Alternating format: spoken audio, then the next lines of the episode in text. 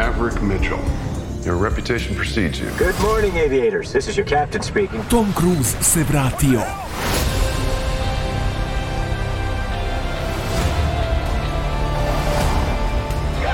Top Gun Maverick u bioskopima od 25. maja. Ćao svima, dobro nam došli u najnovije izdanje Lab 76 broj 212. Uh, snimamo ga u novim okolnostima i za početak jeste dobro. Ja se nadam da jeste. Ovo je premijera. Dakle, nismo uživo, premijera je u pitanju, ovo smo snimili, ne pitajte kada i kako, ako se u kadrovi budu menjali, to je zato što smo snimali iz više tejkova, da ne kažem iz više časova. Tako da uzmite u obzir, vaša mlada i draga ekipa, da gospodin Dejan Potkonjak naravno, Draga, ako ništa drugo, ekipa da. i moja malenkost, Srđan Nerceg za vas, Lab 76 broj 2012. 212, ali ljudi, uzbudljivo je. Ako obratite pažnju na prethodni kadar, vidjet ćete kako je to deki lepo. Šta si rekao? Šta se ono vidi pozadi? Zvezda smrti. Ljudi, unapredili smo stvari u studiju, neki su ovde bili prisutni da iza kulisa vide kako to sve izgleda i ja se nadam da ćete to i uočiti. Držimo palčeve, mada ko je gledao Formulu 1, pošto ovo sad opet dinamika vremena, ovo se prikazuje pošto smo radili live Formulu 1 u utorak, ali imamo novu rasvetu, imamo neke nove stvari, uzbudljivo i u studiju. Naravno, kad je uzbudljivo, obično se dešava da 3 sata postanu 4, 4 postane 5, 5 postane pola 6 i 212 postane 2012. I tako. I onda oni odgovorni koji znaju šta je vreme, gospodin s moje desne strane, dođu u situaciju da kažu, ok, ponovo, ponovo, izvinjavam se, deki je unapred za, za, za sva kašnjenja, ali koncept vremena je meni stran. Stran u svakom smislu te reči, ali se trudim. Tako da, eto, nadam se da ćete biti zadovoljni. Naravno, hvala vam svima za podršku udrite like, subscribe, danas se, u, danas se čuču srećem čoveka na ulici i viče, ćao svima, udrite like, subscribe i sve ostalo, rekao, ok. Ja, videli ste i novitet, Lantern se vidi u kadru, Vanja se poigrava i tako dalje i tako dalje, a mi ćemo ovde iscepkamo da bismo sve mogli da snimimo, pošto treba još ljudi da stigne u studio i sad sve trčemo da krenemo, a ja uvod opet nikada duži. I u tom duhu da mi lagano krenemo ka Moto Grand Prix, naravno mazite se i pazite se i vozite i vodite računa jednim drugima, Budite dobri, život treba da bude lepo, a nadam se da mi možemo da vas razveselimo, makar ako ništa drugo. Pokupili smo se jednim čudnim povodom, kažu superheroji ne postoje, kažu vanzemaljci ne postoje. Mi imamo dokaz suprotni i za jedno i za drugo. Vanzemaljci smo već upoznali, Valentino Rossi, Casey Stoner, Dani Pedrosa, Mark Marquez, ubacit ću ga, i Jorge Lorenzo. Originalna četvorka ne podrazumeva Marka Markeza, ali kada je neko jedan od najuspešnijih svih vremena, apsolutno je vanzemaljac, a i mislim da se ove godine vidi koliko je taj čovek vanzemaljac. Međutim, ima jedan čovek, iako Superman po definiciji je vanzemaljac zapravo, koji polako možda više u Batman fazonu, mada nisam siguran da je, da otkrijem oba koje je u pitanju, mislim da je jasno. Fabio Quartararo. Batman, šta je njegova supermoć? Pare. I on te pare, mada ja bih rekao da su mu pare samo alata, ne njegova supermoć, njegova supermoć je volja. I zato mislim da dosta liči na Batmana Fabio Quartararo, iako je mnogo raspoloženi, ima mnogo lošiju opremu od Batmana, da se oprema u Wayne Industries, mislim da bi bio šampion uveliko. No, ljudi, gledali smo veliku nagradu Nemačke i potpunu dominaciju čoveka, jedan od, jedna od stvari koju moram da kažem, jedan čovek zvani opsada, kaže Vanja, jedan čovek zvani vojska. Deki, osam Ducatija, osam Ducatija, četiri Honda, dva Suzuki-a, dve Aprilije, četiri KTM-a, ne računam Yamaha jer ne mogu da ih računam. I jedan čovek je izvršio opsadu svih njih, Fabio Quartararo, ja ne znam da li, da li deliš moje oduševljenje, ali ja mislim da je ovo sledeći nivo onog puta ka tome da budeš velikan ovog sporta. Jer ti još jednom izdominiraš posle onakve situacije koju si stvorio u Barceloni i nateraš Peka Banjaju, nateraš ga da padne, ja mislim da zaista govori u prilog tome da je Fabio Quartararo na posebnom nivou. Ne znam pa, da li, da li Ne, apsolutno, nego ja sad pokušavam samo da nađem neki dobar termin za ovu trku, pošto ne znam, ne mogu ni da naslutim zašto je sve sposoban u svojoj karijeri i sad mogu da, da, da možda izlačim i neke trke iz prošlosti tako da neću da je odvojim baš na posebno mesto, ali uh, mogu, mogu da, da, da, da to, to izjavim, da mislim da je ovo jedna od njegovih najboljih trka, ako ne možda i najbolja do sad u karijeri. A lepo si To je rekao, otprilike tako nešto. a može biti samo tranzitna stanica ka mnogo... Ne, ne, posle, posle ovoga šta je uradio sa Axelringu, stvarno ne mogu da naslutim zašto je sve sposoban. Ovo je bilo, ovo je bilo jedno, ne, ne, ne, ne zlopotrebljamo reč masterclass. Ovo je bio školski primjer čoveka koji ima plan. Ja bih rekao plan i koji u petak zaostaje, u subotu je bolestan i smanjuje razliku, startuje sa druge pozicije i na početku trke e, apsolutno sve radi ono što smo znali da ako uradi, gotovo je. Prva krivina, ulazak u prvu krivinu, moja je krivina, ja idem gas do kraja, kraj priče, niko ne može da ga prati i ključni rival pada, pričat ćemo i o Peko Banja i o Ducatiju, ali Fabio Quartararo potom kreće da diktira tempo koji niko ne može da prati, Joan Zarko dao sve od sebe, sve Da, pohvale. ne, ne samo to vezano za njegov tempo, mislim, mi smo videli stvarno i u, i u, i u prošlosti bliže, naravno, srećem, mlad je, pa, pa još ne pričamo o nekim, nekim ovaj, davnim uspomenama, ali, ali e, ne samo njegov tempo, za koji znamo da, da, da može da ga drži, da ga, da ga proizvede, nego generalno čitava situacija oko te trke, vremenske prilike, rivali koji su imali e, ozbiljnu ambiciju da, da pokušaju da ga ugroze. Sve to jednostavno na njega nije uticalo, a, a, a zaista iz, iz izjave i njegovih i, i ovaj drugih rivala vidimo da tu uopšte nije bilo tako jednostavno kako izgledalo. Ne, ova staza vas testira do krajnjih granica.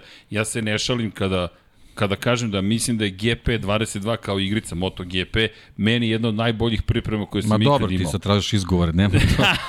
Ali nema to čekaj, veze s tim. Da li je Derin Binder gledao Jadan Derin simulaciju, Binder, da. jadan Derin Binder, Da. završio kao igrici prošle nedelje. Dobijem komentare i koleginica iz prodaje se javlja. Da, Derin Binder, da li je simulirao tebe zapravo? Ja kažem ne, ali ja to nećemo voziti s Derinom, nećemo dirati Derina Bindera. On, ne, ne, on nema načina da se odbrani od toga. Znaš, ovi superiorni vozači, oni mogu da se odbrane od kletve komentatora, a ovi ostali teško.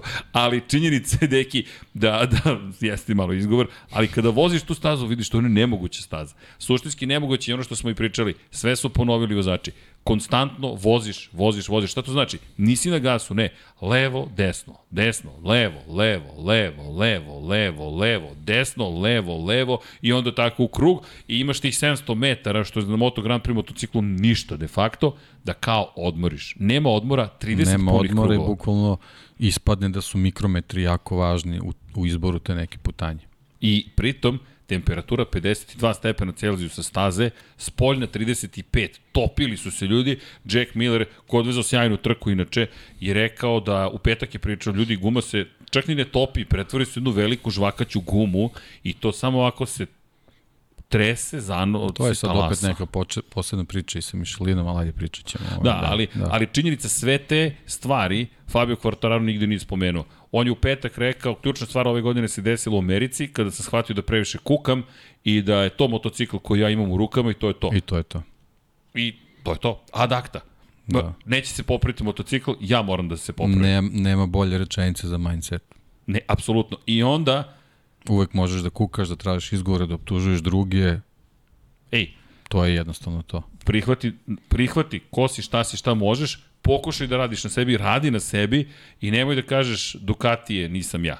Jer ja se izvinjam, ali toliko je Fabio, slično Maxu Verstappenu, ne znam šta bismo pričali, na primjer, u Formula 1 Maxu trenutno, u sjajnoj formi, na sjajnu, u sjajnom bolidu, Fabio nema sjajan motocikl, to anulira u potpunosti, više pričati o Mahi deplasirano, opet ćemo se šokirati rezultatima ostalih fabričkih vozača, to je fabričkog modela, ali on čovek je na takvom nivou da možemo samo da ga hvalimo. I slažem se s tobom, mislim da šira slika je sada mnogo važnija u ovoj trci nego sama trka, ali iz te perspektive šire slike samo moram da spomenem nešto što mislim da je opisuje Kvartararu u sezonu. Osam Ducatija, uključujući Francesca Peka Banjaju, koji ima jedan jedini zadatak.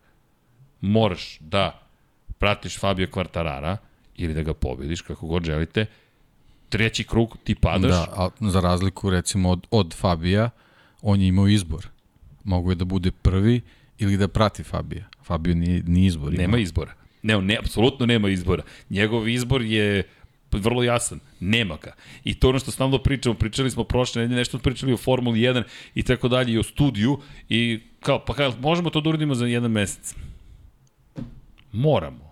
Ne, ne, ne, ne, nemam opcije neke. I evo, danas se ti, ja se gledam, kao šta ćemo sad? Pa moramo da uradimo, pa kako ćemo? Nemam pojma, ali ćemo da uradimo. Ali, samo bih da kažem, gospodin, kralj. Le, ovako, top, to je sad, ovo mi je u, ulizivanje Idemo dalje, idemo uživo, dalje, u idemo snimanje. Pokuša, kako? Da, da, krunu, da znaš da hoću posle. A ne, ne, ne, ne, ne, ubiće mi neki. Dakle, pojent je u sledećem, ali zaista, mi ovde pričamo o tome da kad, kada posmatramo celu situaciju i onome što može da uradi Fabio, on ono jedino što može i mora, on čini. Kraj priče, što se tiče Francesca Banjaje, zajedno sa celim Ducatijem, ono što meni tu strašno teško pada u cijeloj situaciji jeste, ok, pao si, gotovo. Ne, nego dok širi se ruke ponovo kao na početku sezone. Šta je sa ovim motorom? Nije ništa s motorom, taj motor radi. Eno ga Joan Zarko koji se grčevito borio, nije bili ostao uz Fabija i briljantan moment, moram ti priznati da sam baš ponosan kako, kada, smo, kada smo gledali trening 4. Gledaš, znaš i sam šta radimo svi. I kao čekaj, drugi deo treninga broj 4 prelazi na srednje tvrde gume. Molim? Na, na srednje tvrde gume prelazi. Čekaj, čekaj, gledaj krugove. Tap, tap, tap, tap, tap, svi su isti.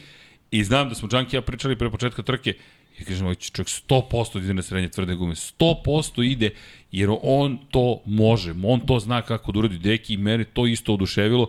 Nije pitanje šire, mada i jeste, on se spremio za trku da on može da napravi izbor da, među jednog i drugog. bukvalno sve razlaže na, na, na sitne elemente i studira ih jedan po jedan i, i tako slaže celu sliku. Znači, ako postoji staza na kojoj nema dovoljno prijanjanja, Srednja, srednja okay. guma će da uradi tako što ću ja da vozim tako, tako i tako. Tako je. I to je to. Tako je. I ti gledaš majstora na delu. Zaista. Inače, prvi pobednik za Yamahu od 2009. na ovom mestu od Valentina Rossi, doktora. Inače, pozdrav za gospodina Valentina Rossi da, i njegove navijače. Upravo to, ti si u prenosu spominjao imena koje su pobedila na ovoj stazi. I tu je apsolutno jasno da nije baš lako pobediti na Ne, Saxon ne, Ringu. ne, apsolutno samo šampioni i samo jedan čovek zvani Anomalija Dani Pedrosa, zastava je s razlogom ovde. Deki, kažem ti, pri... Stirling Moss Moto Grand Prix. Bukvalno, Stirling Moss Moto Grand Prix, predivan opis si mu dao. I gledaš Danije Pedrosa i pričam sa našim drugarom Ognjenom, inače pozdrav za Ognjena, Ivanu i ekipu, Felipe gleda, gleda crtači zvani Moto Grand Prix, novo, novo rođeno detence, jel te, koje već sada do drugu trku odradilo Moto Grand Prix sa svoje dve nedelje života, ali je stvar u sledećem. Gledamo i, i pričamo, čekaj, 31 pobjeda u Moto Grand Prix, taj čovjek nema titulu. Ljudi, to je sezona i po po novom kalendaru, nekad su to bile dve pune godine pobeđivanja bez, bez, bez prosto titule i taj čovjek je pobeđivao, pobeđivao je Valentino Rossi, zanimljivo, Jorge Lorenzo nikad ovde nije pobedio u Moto Grand Prix. Jorge Lorenzo ovde nikad nije pobedio i onda dominacija Marka Marquez i sad dođe Da, Fabio. to ti je, to ti je ono to je prokletstvo to. Miki Hirvonena. Znaš, da voziš, voziš karijeru kad vozi Sebastian Loeb. Da, da, to ti je bukvalno To je u stvari da je Dani Pedroso u nekoj drugoj eri bio bilo kojoj bilo drugoj. koji drugi bilo, malo pre tog vremena Ma, da, bukvalno malo pre toga. Ne, bi- drugačije da. bilo sve. Ali, ali, ali pokazati samo koliko ova staza zahtevna i mislim da je takođe za Fabio bilo važno, ok, kralj ring, kralj prstena nije tu. Kralj prstena, kako sve stvari stoje, Mark Marquez dobro je prošla izgleda operacija, prva dodatna kontrola post-operativna kaže da je sve u redu, mi mu držimo palčeve, rekli smo počeo da šeta, Da, pa dobro, ja opet ono, neću sada strpljivo. da ono glumim, ne znam, ne znam ja šta neke negativnosti, ali generalno se ta imobilizacija potpunosti ne skine, kad vidimo slike bez toga, onda ćemo da, da vidimo ćemo da šta pričamo radi, dalje. pa ćemo pričamo dalje. Kad ga budem vidio da igra neki skvoš ili padel, kako se zove, na što španci vole. E ovo, da vidim onda to ćemo, popularno sada, ne znam. Jeste, jeste.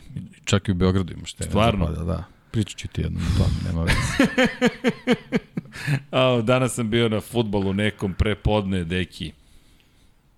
Mm, mm, Ne valja rabota, moram da ti kažem, posle pola sata, tačno vidiš pad tempa. Bio sam kao, kak, bio sam poput Fabio Di Antonija prethodnoj trci. Bilo je dobro prvih pola da, ali sata. sigurno si bio na 50 stepeni na futbolu. I sad vidiš posle pola sata kako to izgleda. Deki, nije mi bilo dobro. Tako ali da- bukvalno mi nije bilo dobro. O grimase Žana Zarka Dovoljno dovoljno su govori. govorile, da. Ne, ne, ej, ljudi, ta scena, da oni ne mogu da stoje na nogama, da oni moraju da sednu na pobedničko postoje. Mi pričamo o ljudima koji su ultra konkurentni, ozbiljni takmičari, psihički pripremljeni, fizički pripremljeni, ljudi koji imaju, pritom imaju boce za osvežavanje, Oni u grbi nose tečno za osvežavanje. To je bilo prazno posle hidrataciju. 10 krugova. Bukvalno je bilo verovatno Ili su ostavili prazno. za kraj. Da, to je to. je Ne sad- znam šta je gore, da li da, da štediš u početku ili da... Ti si genij. Ne znam šta je ovaj problem. Šta ćemo da pitamo? Pa, Šta ćemo da pitamo Asenu? Profesor Dejan Nema, Potkonjak, nema dovoljno učitelj. zapremine sigurno tu za, za saksening nije Da bilo. ga pitamo da li bi dodao još kilo sebi vode u grbu samo da idu u Saxon Ringu stigne. Znaš, Ubaciš litar goriva, ubaciš litar vode. možda i pomogne na kraju. E, ali znaš šta mi je palo na pamet? Malezija. Ne smijem da zamislim, mada je Fabio rekao, ovo mi je bilo teže od Indonezije. Ja mislim da je bilo, ja gledao, gledao sam ono, baš sam detalje pratio dok su dolazili do pobedičkog postolja. Nisam ih skoro video tako. Ne, Ja ne sećam se da nisu mogli da stoje na nogama. Čak mi Jerez, onaj, onaj COVID Jerez prvi, Nije bio takav. mislim kukali su, Da. ali ovo je... Ali su se popeli na da, da, da, pobedničkom ovo je stvarno. Tako delovalo baš onako iscrpljujuće. I u, u cool down room, od- razgovor u cool down room je bio ovo mi je teže od Malezije i Indonezije. Bukvalno je to bio komentar, da razmišljam, Indonezija i Malezija. Šta je problem u Indoneziji i Maleziji? Kao i Suzuka 8 časova. Vlaga. Da. Vlažnost vazduha. Ljudi, vi, znoj ničemu ne služi. Znoj obično služi da vas rashladi. Ne, ovde ničemu ne služi jer je sve toliko vlažno da ste vi samo još, još, još vlažniji. Vi ste mokri do gole kože, ali telo se dalje ne hladi i ničemu ne služi. Vrtite se samo u krug i ni ne znate da ste izgubili tečnost. I odjednom samo se onesvestite, a pokriveni ste golom vodom. Neverovatno. I zaista nemogući uslovi za vožnju, ali opet Fabio i u tome je zaista izgledao veoma dobro u celoj toj priči. Inače, pohvali za Jacka Millera iz te perspektive. Ništa se tu nije videlo. Kod Jack je bio raspo... Vidi, Da. samo jedna stvar za Jacka Millera. Treba da ima svoje mesto u Moto Grand Prix svakako i shvatio sam št, ko je i šta je Jack Miller. Jack Miller je čovjek koji će nas povremeno zaista razveseliti, zabaviti toliko dovoljno da zaslužuje svoje, zaslužuje svoje mesto ako ništa kod drugog kao showman. Apsolutno nam treba neko ko, ko zna šta da uradi, a s druge strane, kako će voziti nemam predstav. Ja i dalje imam osjećaj da će se vratiti na staro u smislu imali smo dobru trku, pa nećemo imati dobru trku, pa ćemo imati i tako dalje, ali ogromno poštovanje što je on video nešto. Ja sam prokomentarisao, nekako mi već postoju te poruke deplasirane. Ej, daj mi rukavice, ja ću tebi majicu. Ej, daj mi rukavice, ja ću tebi hamburger. Ej, daj... Nekako se ponovi 10 puta, ali Jack, koje je očigledno njemu značilo, da bude na pobedničkom postolju da nekome kaže, ok, video sam te, ti si me podržao, mislim da dosta i govori o stanju u kojem je Jack Miller u ovom trenutku, da mu treba podrška, da ti odvezeš servisnim putem, skineš rukavice, pobacaš i kažeš u redu je. To je neki, neka stara kraljevska kasa. Tako je. Klasa neki, neki Randy Mamola ili tako nešto. To je, ta, takvi, takvi momci trebaju da razbiju malo ovaj, tu neku monotoniju koja se iz nekog razloga pojavila. Niko ne, ne odskače. Recimo imali smo Kračlova do skoro i, i stalno si čekao neki ovaj, neobičajen potez. Evo, ako, ako to treba da bude njegova uloga, ja potpisujem da ostane tu, apsolutno. Isto, ja sam pomislio u trenutku srđane, moraš da Ili imamo čoveka koji je brz, definitivno, Da. ali to što kažeš, mislim da je baš to što mu nedostaje da bi bio tog iznad šampionskog kova, ili svi oni mogu da budu šampionskog kova na raznorazne načine, ali da budu nešto malo iznad toga, ima tu nekih stvarno elemenata, on ne može da parira, na primjer, Fabio Quartararo. Ne To je, može. to je apsolutno jasno. Ne. Tako da, dok je u generaciji sa Quartararom, mislim da ponekad bi će verovatno moći I to je to. zavisi od raspoloženja, od staze, inspiracije, to je to, ali kod Fabija to ne. Neko kod to Fabije nije, je... da. Neki drugi su fokusi. Da, cilj je pobeda. Verovatno možda čak i neki njegovi rivali na stazi možda čak to ne mogu ni da pojme, ali jednostavno on je, on je u svojoj dimenziji i iz trke u trku to pokazuje, a ovo je sad jedan onako dodatni dodatni pečat na, na sve ono što je do sada radio. Ja mislim, apropo, kada spominješ taj pogled Fabija Kvartarara i baš gledam kako reaguju na kamere. Evo, obratite pažnju. Možda ja grešim, ali molim vas, obratite pažnju pa zajedno da vidimo gde, gde stoji cela priča. Peko Banjaja, kada se pojavi kamera, prva stvar koju uradi, on počne da komunicira sa kamerom.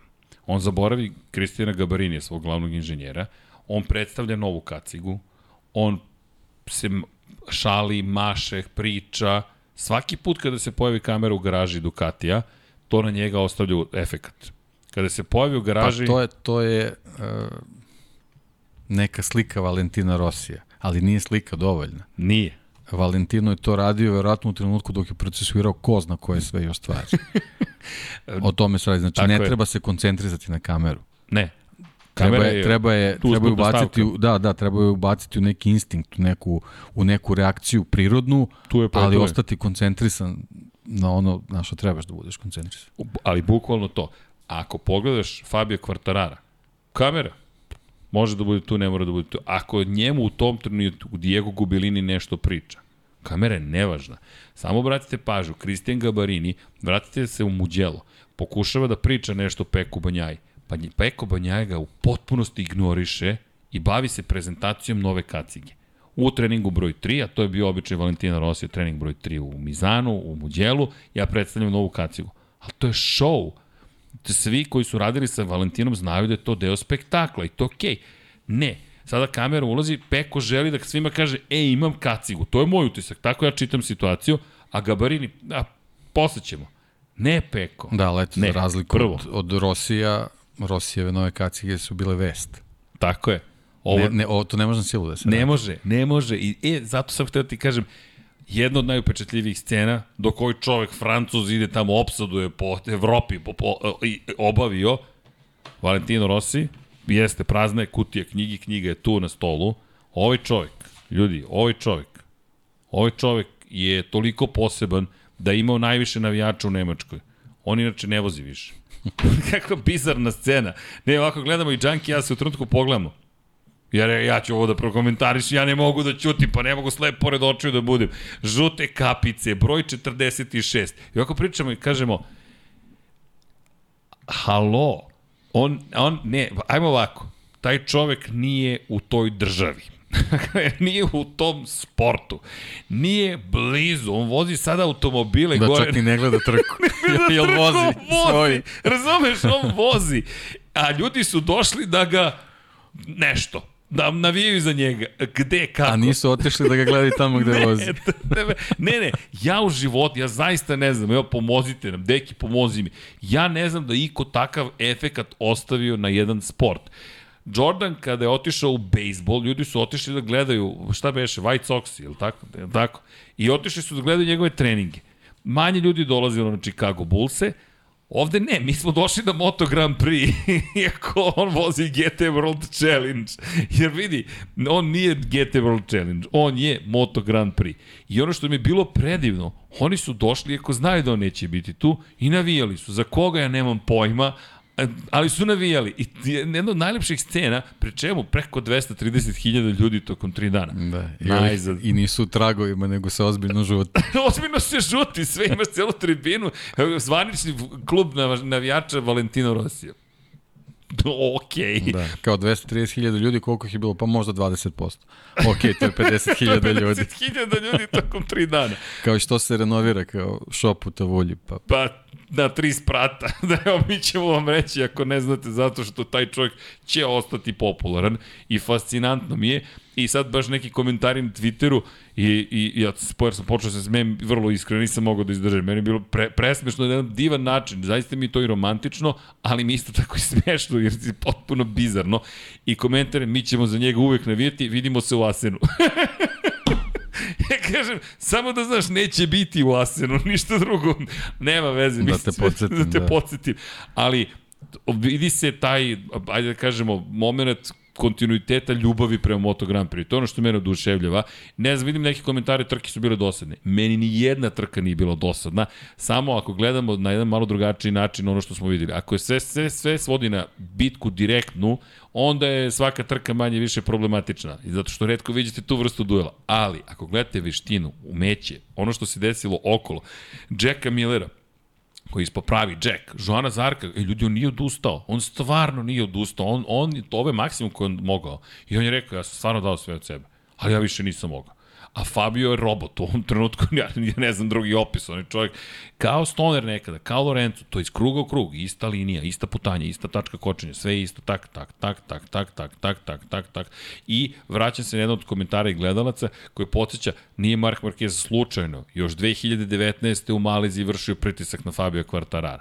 Tad je pokušavao da ga slomi. Nije ga slučajno pretekao u Tajlandu, na Tajlandu, da ga spreči da dođe do pobjede, jer je znao ok, ovaj klinac, moj utisak je, ovaj klinac bi mogao. To da li će nešto sasvim drugo, ali ovaj klinac više nije klinac. On je, sad će biti Fabio drugi još malo i Deki. da konstatujemo po bodovno stanje. Ja mislim da treba da zaboravimo Peka Banjaju u priči o šampionatu, o šampionu sveta.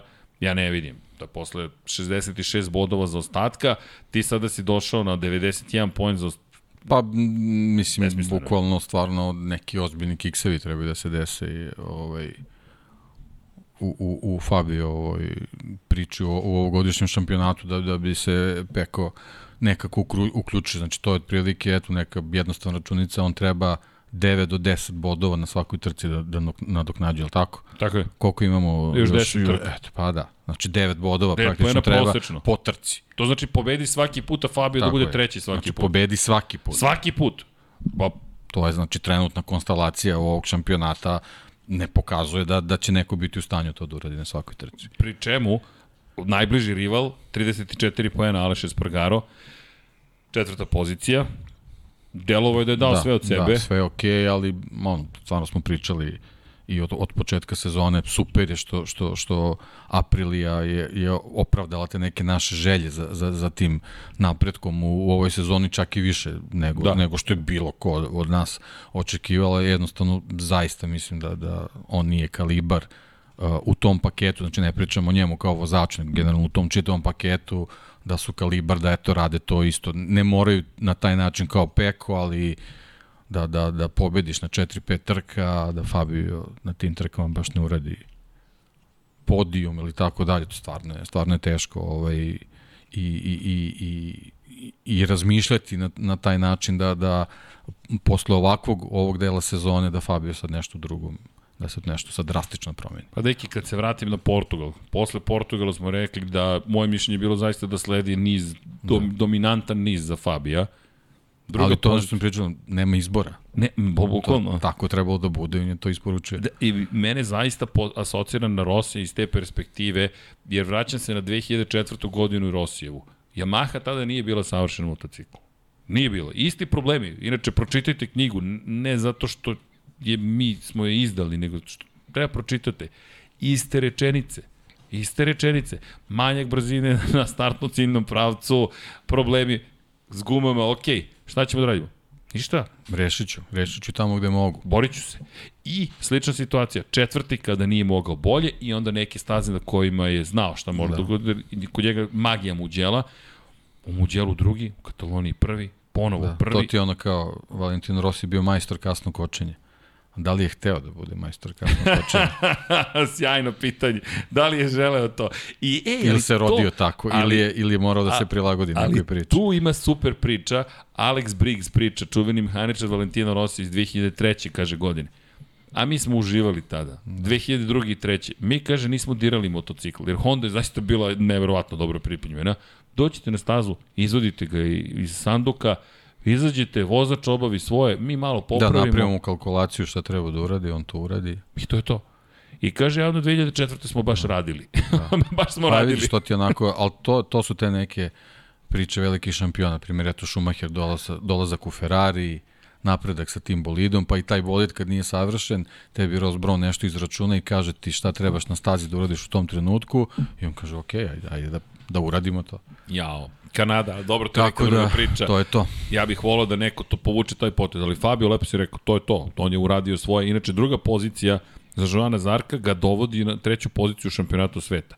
Zarko odjednom postaje čovek koji, ako gledamo progresiju, peti, četvrti, treći, drugi, Tako je. nedostaje još samo jedna stavka. Ne izgovaraj ništa. Ništa, ćutim. Molim te, ćuti. Ćutaću, ne, dogovoreno, deki, ćutim.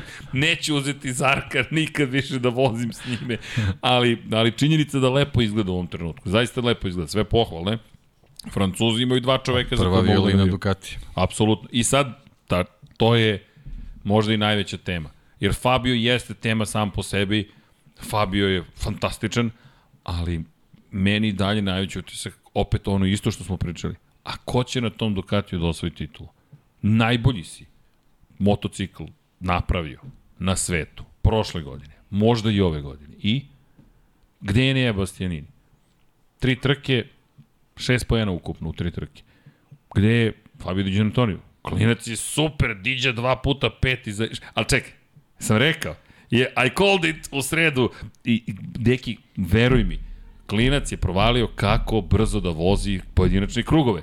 Ovo sad gume, gorivo i to, to ćemo da naučimo. Ako pogledaš Diđa, op, evo ga Diđa Antonio, osma pozicija, osam novih poena, 16 poena u šampionatu, 20. pozicija, ispred Derina Bindera i za Franka Morbidelija. Ne tako, ne tako daleko i za Franka Morbidelija. Ok, to je nekad jeziva sad priča, ali DJ izgleda super. Ali ok, jel od njega očekujemo da nosi Ducati? Pa ne. Naravno da ne. Jack Miller, evo sad je treći, ali je bio 14. i bio 15. Pa je bio drugi, pa peti, pa bez plasmana. Dobro, sindrom vozača koji, Ko je dobio zvanično od Ducati. da. Ne, ali nevjerovatno. Da. Sad, sad sledi pobjeda, sledeća stvar je Jack mora da pobedi. Jednostavno, inače, inače, pozdrav za našeg dragog kolegu Davida Emeta. On, on je čovjek iz Velike Britanije koji živi u Holandiji, već dugi niz godina. I nisam ni stigao da pogledam vremenske uslove za, za Asen. Tweetuje danas David Emmet, kaže, šanse da pada kiša su od 0 do 100%.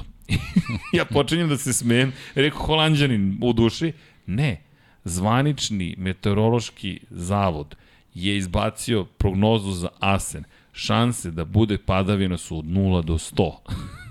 ja kažem, ok, ljudi, šta uopšte to znači? Znači veselo. Znači veselo. Nemamo pojma, niko nema pojma šta nas čeka u Holandiji. Tako da pratite ovu trku, znamo šta će se desiti. Fabio će opet izvuče maksimum iz čega god, šta god da mu date, ali fakat Holandija može da bude jedna od najzabavnijih trka, zaista iz perspektive tih direktnih duela, pre čemu kraj sezone, 11. trka, kraj sezone, kraj prvog dela sezone, izvinjam se, onda šest nedelja neplaniranih pauza, jer Finski više nema u kalendaru, Kimi Ring nije spreman, i da dolazimo u situaciju da će u Holandiji da bude baš ludo. Zašto spominjem zbog Jacka Millera? Ko zna šta će, šta će da učini u toj, toj cijeloj priči? Francesco Banja, jel on nosi Ducati?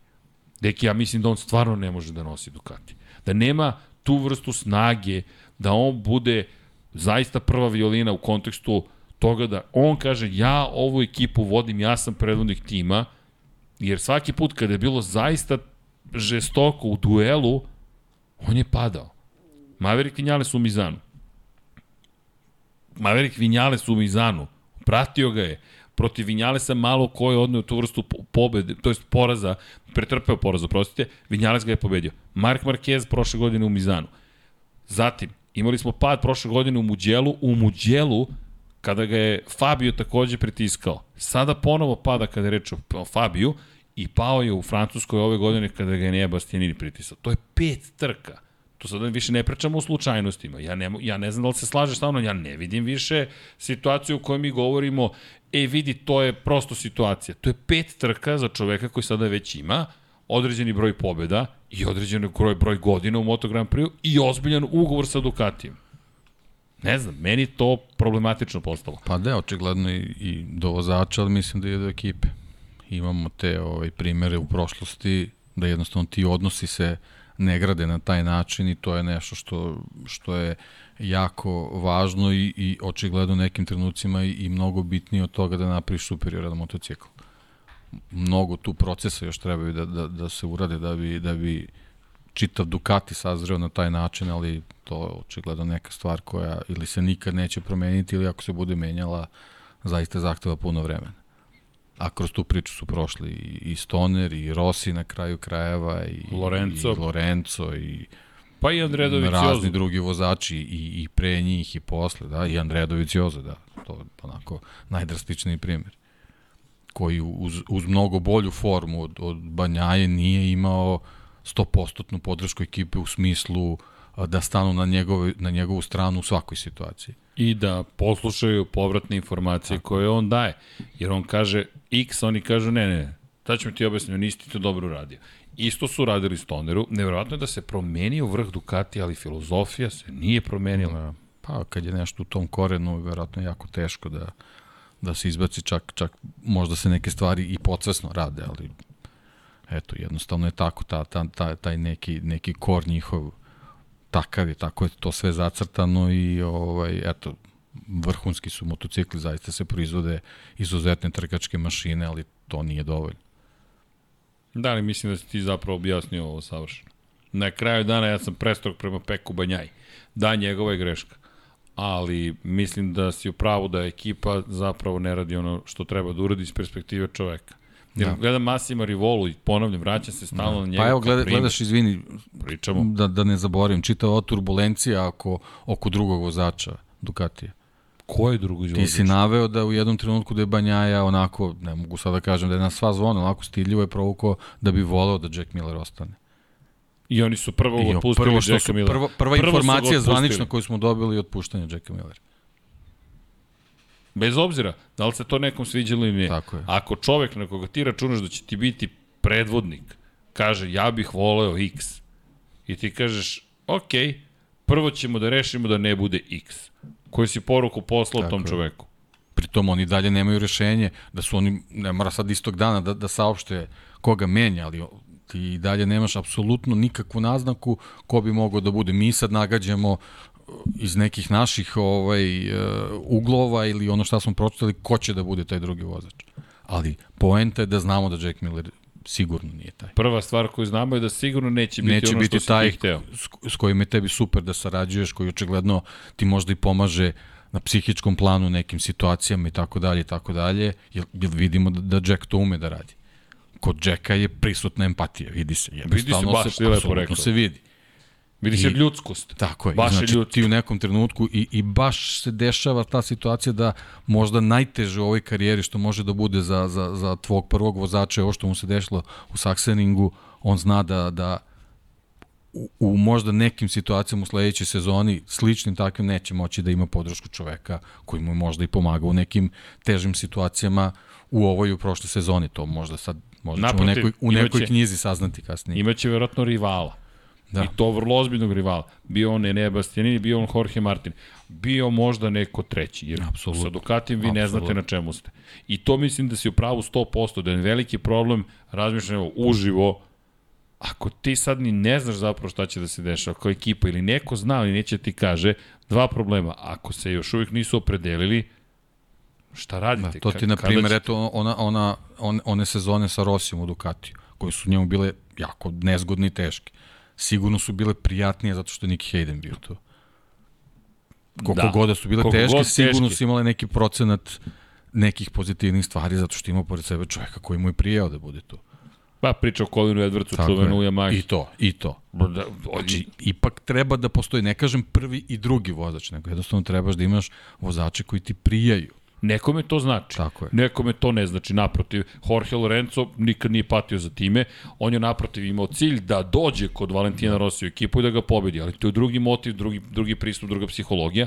I Mark Marquez koji isto tako želi apsolutnu dominaciju, uopšte se ne bavi, koji je preko puta. Da. Jednom je povukao potez da dođe njegov brat. Mislim da i on platio političku cenu u Da, kontekstu ali, ali poziciji. Marquez je verovatno na taj način bio suviše čvrst da ga ne zanima ko je, ko je drugi vozač, osim da ne treba da mu bude rival. Sve ostalo mu je nebitno, on, on, on sam sebe priprema za, za neke stvari. A Peko je vjerojatno u ovoj situaciji, kao što i Doviciozu bilo potrebno da ima možda nekog takvog, a on ima Janone. Čovjeka koji apsolutno gleda Samo sebe. samo svoj ne, interes. Ne, ja, Andreja Janone... gleda ovo. Gleda, Da. pa dobro, gleda Da, da, da, samo u da, drugom sportu, tako to je, tako van da, sporta. da, da, da. Ali Janone po tom pitanju nije, moje iskustvo sa Janonem, koliko god bio brzo vozač je bilo, eh, dosta jedan Pa dobro, čovjek da, sad- posvećen previše tako je. sebi, ne I, razumevajući I svega da... šta se izdešavalo u odnosu prema ove, Andreji vidimo kakva je situacija bila. A, a, a poenta je u nekim A situacijama sad da to može treba. Peku da se desi sledeće godine. Da dobije nekog svog Janone. I šta ćemo onda? Će onda bude Ona taj je manijak, koji... ova je beštija. Ili Ovaj Martinator. Martinator. Martinator, vidi, nema Ne nikog. ne mogu gori nadimci ne, da nema, mu Ovo budu. je Thriller Da, da, Miller da. ili Jackass, ja sam Peko. magarac, a ovo je Peko Banjaja. Go free. To, to, vetar u kosi. To, to, to. vetar u kosi onda dolazi, ovo je, šta on radi? Otkida glave ljudima, aha, Znači, u ovoj čitavoj konstelaciji možda je sad onako na brzinu, ali u čitavoj priči najbolja, najbolje što može se desiti Peku je da Zarka dovede. Da, zanimljivo da je Zarko zapravo naj nekako, neću reći benigniji. Da, mislim da bi to bilo najkompaktnije i za, i za ekipu i za Peka. Ne da, fascinantno mi je kad tako postaviš stvari. Da, Joan Zarko, inače koji je probni vozač de facto Ducatija, on prvi testira delove, on prvi proba, pri čemu Joan koji ništa ne komentariše, on vozi svoje. ali on nije, on i to nije, to. on nije čovjek koji se medijski eksponira, sad je pitanje da li, da li Ducati tako, takva neka osoba treba. Eh, to je komentar bio za To MotoGP to. Unlimited. Zašto nema Zarka u MotoGP Unlimited? I onda jedan komentar, pa verovatno na ciljnoj fokus grupi, na fokus grupi nije prošao kao zanimljiv lik za uopšte gledanje. Tako je. A Nažalost, Zarko, to su neki parametri koji su bitni. ali to je suludo. Ali upravo ti si najbolje rekao, peti, četvrti, treći, drugi, znači čovek je u, ovo, u ovoj teškoj situaciji za Ducati prilično Stabilan. konstabilan i, i, i ovaj, neko ko postiže taj napredak i čak eto pokriva kikseve drugih vozača Ducati. Zarko. Kad je već tema Zarka u pitanju, znaš šta si mi sad uh, ubacio bubu u glavu? Spomenuo si Kala Kračlova. Kala Kračlov koji je vredno radio za Lučiće Kinal Racing, razvijao motocikle, testirao motore za Hondu naravno i to me upravo dovodi do te dve teme. Dakle, imamo Zarka koji negde mislim da se slažemo da su šanse minimalne da ode u fabričku ekipu Ducatija, ali mi nije to tema. Tema mi jeste Lučiće Kinelo, to jest Kal Kračlov, to jest Honda. Ovo je staza na kojoj od 2010. nije pobedio ni jedan motocikl koji se nije zvao Honda. Međutim, i to smo pričali tokom prenosa, a i, a i prošle nedelje. Dani Pedrosa, Dani Pedrosa, Dani Pedrosa, pa Mark Marquez, Mark Marquez, Mark Marquez, Mark Marquez, Mark Marquez, Mark Marquez, Mark Marquez, Mark Marquez. Dakle, to su pobednici, nije Honda I zašto to spomenjem? Jedan čovek uništava Ducati. Dakle, jedan protiv njih osmorice. To je kao, ubio sam ih sedam, Mickey Mouse kada kaže, e pa Fabio ih je osam eliminisao, Ducatija očigledno, ali gde su nestale Honda u celoj ovoj priči? Prvi put od 1982. godine Honda nije osvojila niti jedan jedini konstruktorski poen u šampionatu sveta. Neko mi je tweetovao to tokom trke, ja sam rekao, ljudi, ja nisam siguran u pouzdanost ovog podatka, jer mi zvuči toliko frapantno i neverovatno, ali, deki, ja mislim, to je ogromna tema zapravo, jer Honda je bila 16. zahvaljujući Štefanu Bradlu, koji je bio 16. posle odustajanja svih mogućih i nemogućih vozača, skoro minut 50 sekundi iza prvoplasiranog. Nasta, pričat ćemo o Štefanu Bradlu, ali deki, šta više Honda, gde, ja ne znam li odakle bih počeo u temu, završit će se na Marku Markezu, ali šta, će, šta ćemo s Pa, Hondom? ozbiljan čor sokak. To stvarno, stvarno tako deluje. Tu sad uh, uvek uh, je postojala neka priča kad Honda napravi loš rezultat u prethodnim trkama, uvek je postojalo nešto zašto se to tako desilo. Ovoga puta ne znam, ovde recimo, konkretno priča oko take može da bude, videli smo, Rins je dobio dozvolu da da nastupa na trci, konačno je neko od motociklista bio pametan i rekao ne, ne bih ja ipak da vozim ovu trku i ispostavilo se da je odluka bila prilično onako pametna zbog čitave, čit, čitave te razvoja te situacije u samoj trci pitanje šta bi Alex, Alex Rins ovako rovit na, na ovakvom Suzukiju, na ovakvoj temperaturi uradio. S druge strane, Taka je odlučio da, da, da nastupa i to nije, mislim, od, od, od početka nije delovalo Delovao je da nije svoj na svome, tako, da jednostavno ne treba da bude u to toj nije, trci. to nije bilo to. I dobro, okej. Znači, tu postoji neki razlog. Koji su drugi razlozi? Znači, imali smo Pola Espargara i Štefana Bragla koji jednostavno nisu mogli da voze peglu u Rerni. Znači, taj motocikl je bio pegla u toj Rerni na stazi. Znači, on, oni su bukvalno imali opekotine. I to je, to je znači, još jedan a, detalj koji se dešava u ekipi koji predstavlja najuspešniji brend u, u, u kraljevskoj kategoriji u, u, u, u motociklizmu. U perjanici motociklizma. To nema nikakve veze ni sa Štefanom Bradlom, koji je čak čovek koji onako on je on je onako korporativni čovek Honda, mislim on je njihov vojnik, test vozač, on je bio besan kad je završio trku, uh, ne samo zbog, zbog toga što je motocikl bio uh, neupravljiv zbog te, te, te vrućine i tih opekotina koje ima jednostavno zbog, zbog, zbog oplate koji, koji je, koja ga uopšte nije štitila od te vreline, nego je jednostavno rekao ja sam u jednom trenutku vozio Moto2 motocikl po performansama. Ako pogledaš, inače ovo je zanimljiva staza po tom pitanju, doći ćemo na Moto dvojke i priče o 250-500 kubika. Da. Čak i u toj eri, ovo je bila staza gde su vozači koji su osvajali pol pozicije, dosta se spominje ta 2002. minut 26 za Moto Grand Prix i tako dalje. Ljudi, minut 26 je vozio i Fonzi Nieto na motociklu, motociklu od 250 kubika. Ova staza vam dozvoljava da kroz krivine se krećete toliko brzo da nadoknadite svoj svaki nedostatak snage. Moto dvojke zaista jesu napredo. Moto Grand Prix je mnogo napredo, svi su napredovali, ali kada pričamo o Sachsenringu, to je staza gde uvek imate upravo ta poređenja, pa da sam vozio Moto2 bio bih brži. Štefan Bradl, koji inače šampion bio Moto2 klase 2011. došao do toga. Istini za volju, Štefan Bradl, apropo onoga što nismo znali tokom trke, čovjek ispe, ima ispečenu nogu, dakle leva strana njegovog stopala, za oni koji nisu videli e, fotografije, potražite ih i vidjet ćete ukoliko imate dovoljno snage u stomaku da to pogledate. Opekotine, mi govorimo o čoveku, dakle, koji ima na sebi zaštitnu čarapu, čizmu, oplatu i uprko svemu tome, toplota koju je generisao motor sa unutrašnjim sagorevanjem, to je izduvni sistem, je doveo do toga da on imao pekotine na nogama. I uprko svemu tome, Štefan, Bradley, Štefan Bradley je dovezao taj motocikl kući, to jest vratio ga je posle trke od 30 krugova u garažu Repsol Honda i rekao izvolite. Prvo pohvale za Štefana Bradla, moje izvinjenje. Zaista nisam mogu ni da salutim da postoji da. mogućnost da, da budeš opečen, što ti kažeš, na motociklu Moto Grand Prix klase. Zatim, što se tiče Takaki Nakagami, slažem se. Alex Tris je rekao, ljudi, ja nisam u fizički dobrom stanju ja neću da učestvujem I to je, to je neka promena odnosno na sve što smo imali ranije. Motociklisti su jednostavno, čim dobiju zeleno svetlo, nije Ajmo. se razmišljao, seda se na motociklu, sad izgleda, izgleda se malo situacija promenila i to iskreno meni se to sviđa. Inače, Ako se ne osjećaš dobro, ne, ne, ne moraš da glumiš heroja, nema nikakvog razloga. Jedna trka to. manje više neće puno promeniti, a možeš kao Mark Marquez da izgubiš dve sezone. I možeš kao Takaki Nakagami da napraviš da. grešku ili Carlos Tataj u Moto3 klasi. Tako je. Zašto? Pa, malo ti sporiji refleks, bol je takav bio da ti je blokirao nerv na trenutak ili prosto signal je poslat, ali tvoja ruka ne reaguje dovoljno brzo i šta ćemo onda? A ti si danas baš nešto dok smo pričali između dakle, svih naših druženja današnjih i tako dalje spomenuo, Srki, Ovo je i dalje veoma opasan sport. To jest, ova disciplina je veoma, veoma, veoma opasna. Druge forme automotosporta su napredovale po pitanju bezbednosti. Moto Grand Prix jeste napredovao, ali ako je Formula 1 napredovala ovoliko,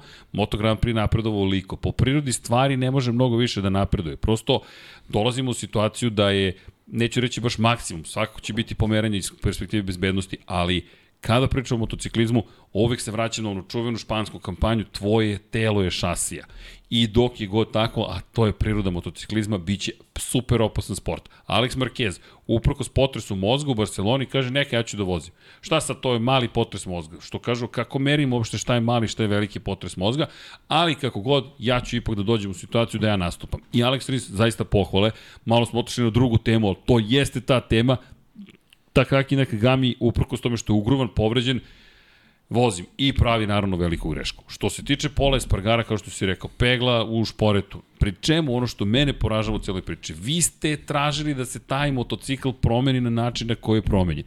Cijelu sezonu ste uložili u razvoj tog motocikla. Rekli ste ne valja ono što smo pripremili za Marka Markeza, nećemo da idemo na prednji kraj, idemo na kontrolu pri, pri, prijanjanja zadnjeg kraja. Dobili ste. I sad, pa nemamo osjećaj u prednjem kraju.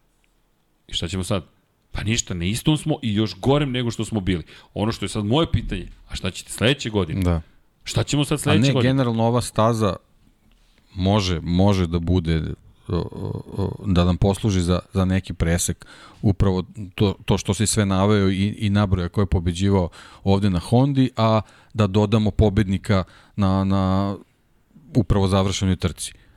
Dakle, znači Honda je verovatno imala već neke podatke i od prošle godine i tako dalje tako dalje. Mark Marquez je pobedio i tako dalje. Znači, uh, apsolutno uh, performanse vozača nisu bile u skladu sa, sa performansama motocikla, što dovodi do toga da zaista sve ove godine nazad uh, uh, vrhunska izdanja Mark, Mark, Marka Markeza su možda prikrivala velike nedostatke na tim motociklima na određenim stazama. I sad se pokazalo na stazi gde, gde je Mark Marquez dominirao, niko drugi na, na Hondi, kakva god ona bila, nije mogao ništa da uradi.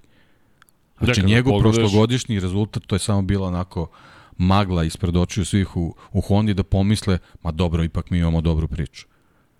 On vidi, vidi kako on povređen, kako vozi. Znači, naš motocikl je možda ipak dobar. Ne, ne. samo je on dobar.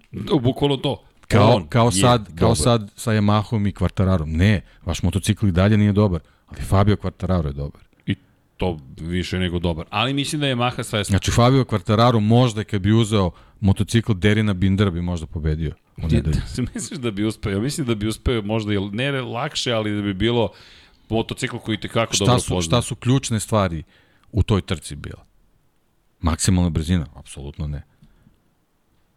kočenje, krivine, brzine kroz krivine i naravno kontrola pneumatika.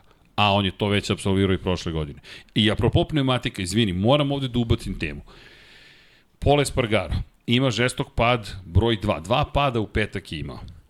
Drugi pad je prouzrokovan na gumama koje su takozvane mm, predgrevane. Hajde da kažem, pre, pre, pre, imali su bukvalno predgrevanje. Ne mogu kažem zagrevanje, jer da ne koristimo taj termin, po sobom činu imamo jutarnje zagrevanje, jutarnji trening i tako dalje.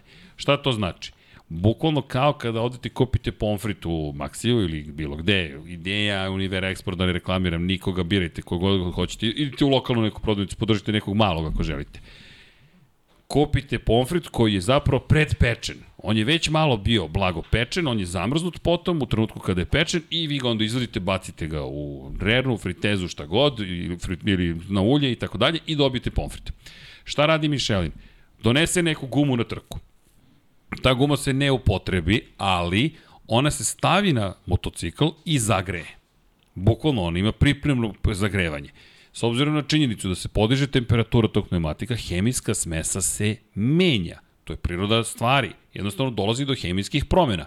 Neka su i mikropromene, mi pričamo o gumi koja se koristi u Moto Grand Prix motociklizmu. Dakle, u najvišoj formi svetskog šampionata. I ta guma, pošto se ne upotrebi, jer vozač nije seo na drugi motocikl ili koji god razlog, odlazi nazad u Michelin. Šta Michelin radi s njom? Iz perspektive zaštite prirodnog okruženja, prirodne okoline, to je zaštite generalno prirode, kaže se ovo će ostati ipak u kamionu i nekoj sledećoj trci mi ćemo vam dati na korišćenje. Kada dođe vreme za ovu tvrdoću gume da se upotrebi. Sve to lepo i mi želimo da zaštitimo prirodu apsolutno. Ali mi govorimo o veoma malim brojevima i govorimo o tome da to suštinski ne menja stvari kada je reč o zaštiti prirodnog okruženja. Jer mi time nećemo promeniti mnogo. Pa sad svaki korak je bitan. Ok, jeste bitan. Ako mogu da dam kontrateg tome, ali kada vi date tu gumu vozaču, on padne, pa se polomi. Motocikl, da ne pričamo o čoveku, ajmo, iako je čovek najvažniji, sve to što mora da se popravi će za prirodu biti mnogo skuplje nego ta jedna guma. To je moje mišljenje, ajde pokušat ću da potkrepim konkretnim informacijama, ali samo to što smo slomili jedno krilo od ugljeničnih vlakana, dok se to ispeče, napravi i tako dalje, verujte, priroda će i kako da trpi. S druge strane, i ne zamerite mi, ali meni nekako ljudi uvek dolaze na prvo mesto, taj čovek je ozbiljno potencijalno ugrožen. I tu se po, polemika podigla, po, to je pokrenula ponovo, Pole Spargaro je rekao, ja sam samo hteo da odvezem tri kruga s tom gumom, da bih je sklonio iz opticaja guma koje su meni na raspolaganju tokom tog vikenda. Vozači znaju koja guma i timovi je predpripremljena. I šta oni rade? U prvom treningu stave nju, tri kruga, baci je. Tri kruga, baci je. Čekaj sad, jesmo zaštitili prirodnu okolinu? Ne, nismo. Bukvalno nismo, jer bukvalno ta guma se ni nije upotrebila, ide bukvalno na bacanje. Ničemu ne služi. Dakle, beats the purpose, što kažu. Suprotno onome što, bi, što je bio cilj. E sad, dolazimo do toga da je Pole Spargaro dva puta pao, a onda dolazimo na treću stavku, a to je, ajde, druga stavka zapravo u cijeloj priči, a to je Michelin i gume koje smo videli opet u upotrebi ovde. Deki, oni se bukvalno tope. Ja ne znam da li je moguće stvoriti pneumatik koji bolje funkcioniše od ovoga. Utiska sam da u 21. veku možemo, ali mi sad opet dolazimo do te priče, priče o gumama i koliko one mogu uopšte da izdrže. Da, i umetnosti prilagođavanja. Umetnost, e, lepo si rekao, umetnost prilagođavanja čemu? Onome što je proizvođač, da. konkretno Michelin, pripremio. Da, a opet, ono, stalno pričamo šta je su, suština uh, sportova koji su perjanice u nekim svojim kategorijama da, da se uvek voze na maksimum. A ne da se prilagođavaš okolnosti. Tako je. I to je ono što smo izgubili u Formuli 1 u velikoj meri, to je ono što počnemo da gubimo u Moto Grand Prix i to je suprotno sprint trkama. Tako Postoje je, to, trke izdržljivosti. Tako je, to više onda ovo, ide ka tome. To, su, to 8 časova Suzuki. Ok, tamo moram da vozim 8 časova. Ovde je sprint u pitanju 45, 3, 2, 1 minut čega? Čiste, apsolutne agresije i brzine. Bukvalno, samo to. Maksimum, maksimum koji može da se da. izvuče. I sad, čoveka. ajde, možda i umeće da ne preteraš u tom maksimumu u smislu da poslednjih krug 2 i dalje imaš dobre performanse. I to je nešto što odvaja pobednike od ostalih. Ali ne da on u petom krugu već ima ozbiljan problem sa pneumaticima. Ili da pada u treningu koji pritom nije Irelevantan. došao je na stazu da, je, da se upozna malo s njom i tako. Treći krug njemu beži zadnji je, kraj. tako je. Čisto da ne zaboravimo i taj detalj, detalj, to je bitna stvar, i da Michelin sledeće godine planira uprko svemu ovome da ukine treće treću tvrdoću. Dakle, ti ćeš imati dve gume na raspolaganju pozadi. Zašto? Pa zato što je sve toliko super bezbedno da nemam razloga da brinete. Jer vi na ovoj trci niste koristili mnogo meki gume pozadi. Pa šta? Nisu koristili, to su okolnosti, možda je neko. Šta bi bilo da je Quartararo imao opciju, pa imaš tvrdu i ekstra tvrdu, a, a srednja tvrda, pa ne treba ti. Jer hoće Michelin sledeće godine da kaže, e vidi, pošto je Quartararo koristio srednje, to, to, to srednje tvrdu gumu, ali samo on, a ostali su koristili tvrdu gumu, će tvrda da postane srednje tvrda da dobijete još tvrđu. Pa ko je kažnjen? Ili Fabio kažnjen zbog toga što je šta bio dovoljno sposoban? Tako je. Tako da, opet, Michelin nije da skuplja poene, ali ljudi, prosto meni je to Meni je to nešto od čega ne treba da se sklanjamo, ne treba da bežimo i o čemu vredi pričati. A utica u ovom slučaju i na Honda, ti imaš sada povređenog pola Espargara. Ne kažem da bi ne povređeno postigao ne znam kakav rezultat. I to je takođe ta priča o Hondi, Činjenica ali čovjek nije mogo da izdrži trku. nije mogo da izdrži trku. Bukvalno nije mogo da izdrži jednu od najtežih trka koje imamo u šampionatu Praktično sveta. smo imali dvojicu vozača Honda koji nisu mogli da izdrže trku. I, I imaš Štefana Bradla kome gori je leva noga. Čekaj, imaš Takaki Nakagami koji je povređen, Pola Espargara koji je povređen i Aleksa Markeza koji je odustao na samom početku. I ti dođeš u situaciju da kažeš šta sad, ništa, gde je Mark? Jel kako je Mark? Bukvalno. I vraćaš se na komandanta Marka. I kada pogledam sada iz ove perspektive, prethodne godine, i gledam gde su ostali vozači Honda, ne mogu da ih nađem. I zato bi, ponovo, uključujemo priču, zbog svih problema koji Suzuki ima, voleo da vidim Joana Mira kako bi se on snašao u problemima u Hondi sledeće sezone. a čovjek je dao zanimljivu izjavu da bi bio veliki izazov voziti Repsol Hondu. Sad, Pa dobro, to, da li to to, smo znači, sa Polom Espargarom. Za svakog je veliki izazov voziti Repsol ako Hondu. dobiješ taj poziv? Da. Ja Da, vidim Rinsa iskreno u aprili. To sam RNF ja rekao, baš bih volao da ga vidim na aprili, nekako mi, nekako mi leži u toj čitovi priči. I tim Da. i Aprilija mislim da će biti Da. dobar. S druge strane, Mira vidimo u Repsol Hondi. Zašto? Ima jedan veliki kvalitet koji drugi ne posjeduje. Mir je vrlo korporativan. Mir je ispeglani poster boy. Dakle, to nije kritika. On čovek nikom se nije zamerio, on ide lepo uz sponzore, on se lepo fotografiše, on ima to. I svetski šampion pride. I dobar je vozač. Dakle, iako to dosta stavio na poslednje mesto, ali ljudi podrazumem, on je veoma dobar vozač, on je dvostruki šampion sveta, to ne postajete tek tako. U Moto3 i Moto Grand Prix kategorijama. I zato Mira više vidimo u Repsol Hondi, Alex Rins i njegov imidž su malo grublji, brutalniji, o, mislim da je za Suzuki bio super iz te perspektive, ali sada mislim da će pre biti da uklopljen u tu jednu da kažem, piratsku ekipu RNF Aprilije, koja je satelit Aprili i Aprili koja je malo slobodnije, Massimo Rivola tu delimo i da razume ljude malo bolje nego drugi njegovi, jel te, drugi njegovi kolege, drugi šefovi timova i uz sve to mislim da, da, da Joan Mir zaista može u borbi protiv potencijalno protiv Marka Markeza da nađe novi izazov. Jer mislim da mu je potreba novi izazov i novo dokazivanje, da kaže, ej, čekaj, da vidite šta ja zapravo mogu da uradim. Naravno, s druge strane, ako se to ne desi, ej, dobio si Repsol Hondu, Tako. kraj priče. Ko ne uspe na Repsol Hondi, ne znam Naravno, tu sad samo više? ima moment da li se i dalje Mark Marquez pita. što ne znamo, ne naravno, znamo, da, ne znamo. ne znamo, ali ako, ako Honda generalno pravi uh, sve moguće ovaj, situacije koje mogu da se dese, ovaj, ono što sam i prošli put rekao, ne dešava se da u Repsol Hondi ne vozi svetski šampion. A trenutno u opticaju, kao plan B, postoji samo Joan Mir. Bukvalno postoji, jer Fabio Quartararo ima ugovor. I to je to, nemate više šampiona Moto Grand Prix klase. Valentino Rossi, Rossi otišao u penziju, nije da je bio opcija za Repsol Honda, ali je otišao u penziju, pa ne moramo da pričamo o tome. Joan Mir je tu i naravno Fabio Quartararo ima ugovor. Tako da, a ove godine ne vidim da će neko novi postati šampion sveta, zaista. Ako Aleš postane šampion, pa opet i on je pod ugovorom sa Aprilijom, ostali, čisto da, ne, da se vratimo na tu glavnu temu, Zarko 61 poen, poen za ostatka, 72 je Nea Bastianini. Apropo je Nea Bastianina, nemamo pojma.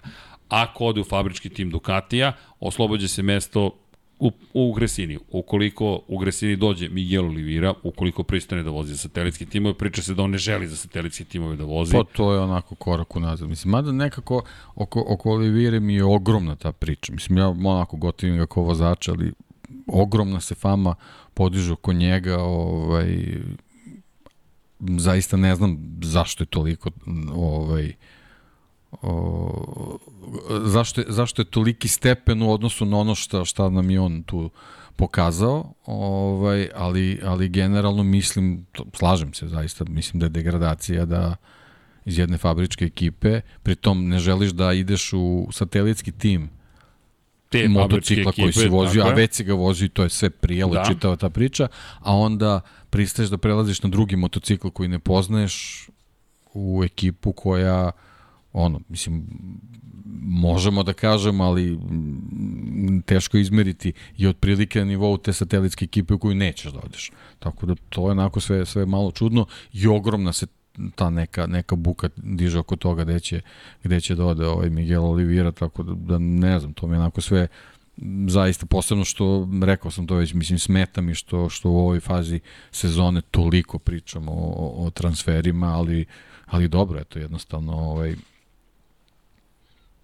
tako je nekako, nekako se ta situacija ovaj zadesila svi ti ovaj bukvalno neka neka lančana reakcija je krenula Da. da. i pre svega zbog Suzukija i čitave priče sa, sa Ali- njihovim odlaskom, ali ok. Dobro. I uspesi Bastianine koji su ipak neočekivani. jest, ja mislim da on uzdrmao celo tržište, jer plan je bio jasan. Jorge Martin prelazi iz Pramaka u fabrički Tako tim, je. Jack Miller ide nekim svojim putem, nisam baš očekivao da će KTM Simir će ostati u Suzuki i sve je. okej. I sve okej. I Odjednom Odjednom haos. Ako dolazi u Pramak, pa u Pramak će doći neko. Sad vidjet ćemo ko će taj Pa neko ne, da problem je što su se tri vozača odjednom pojavila u toj priči gde ne znaš gde ćeš njima sledeće sezone, a zaslužuju nešto drugačije, bolje da kažemo. Znači, Bastianini, Mir, Rins.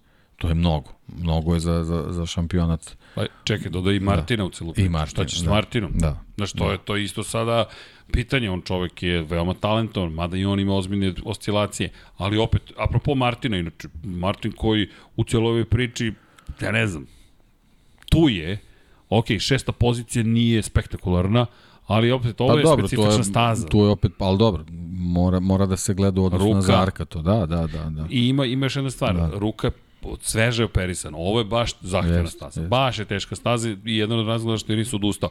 Ali bih samo dodao još jednu priču uz sve to. Ko mislim da sigurno ostaje bez ugovora, to, to već znamo, i koga samim tim izbacujemo iz, sa spiska od tih 24 vozača i smanjuje se na 23. To je Andrea Doviciozo.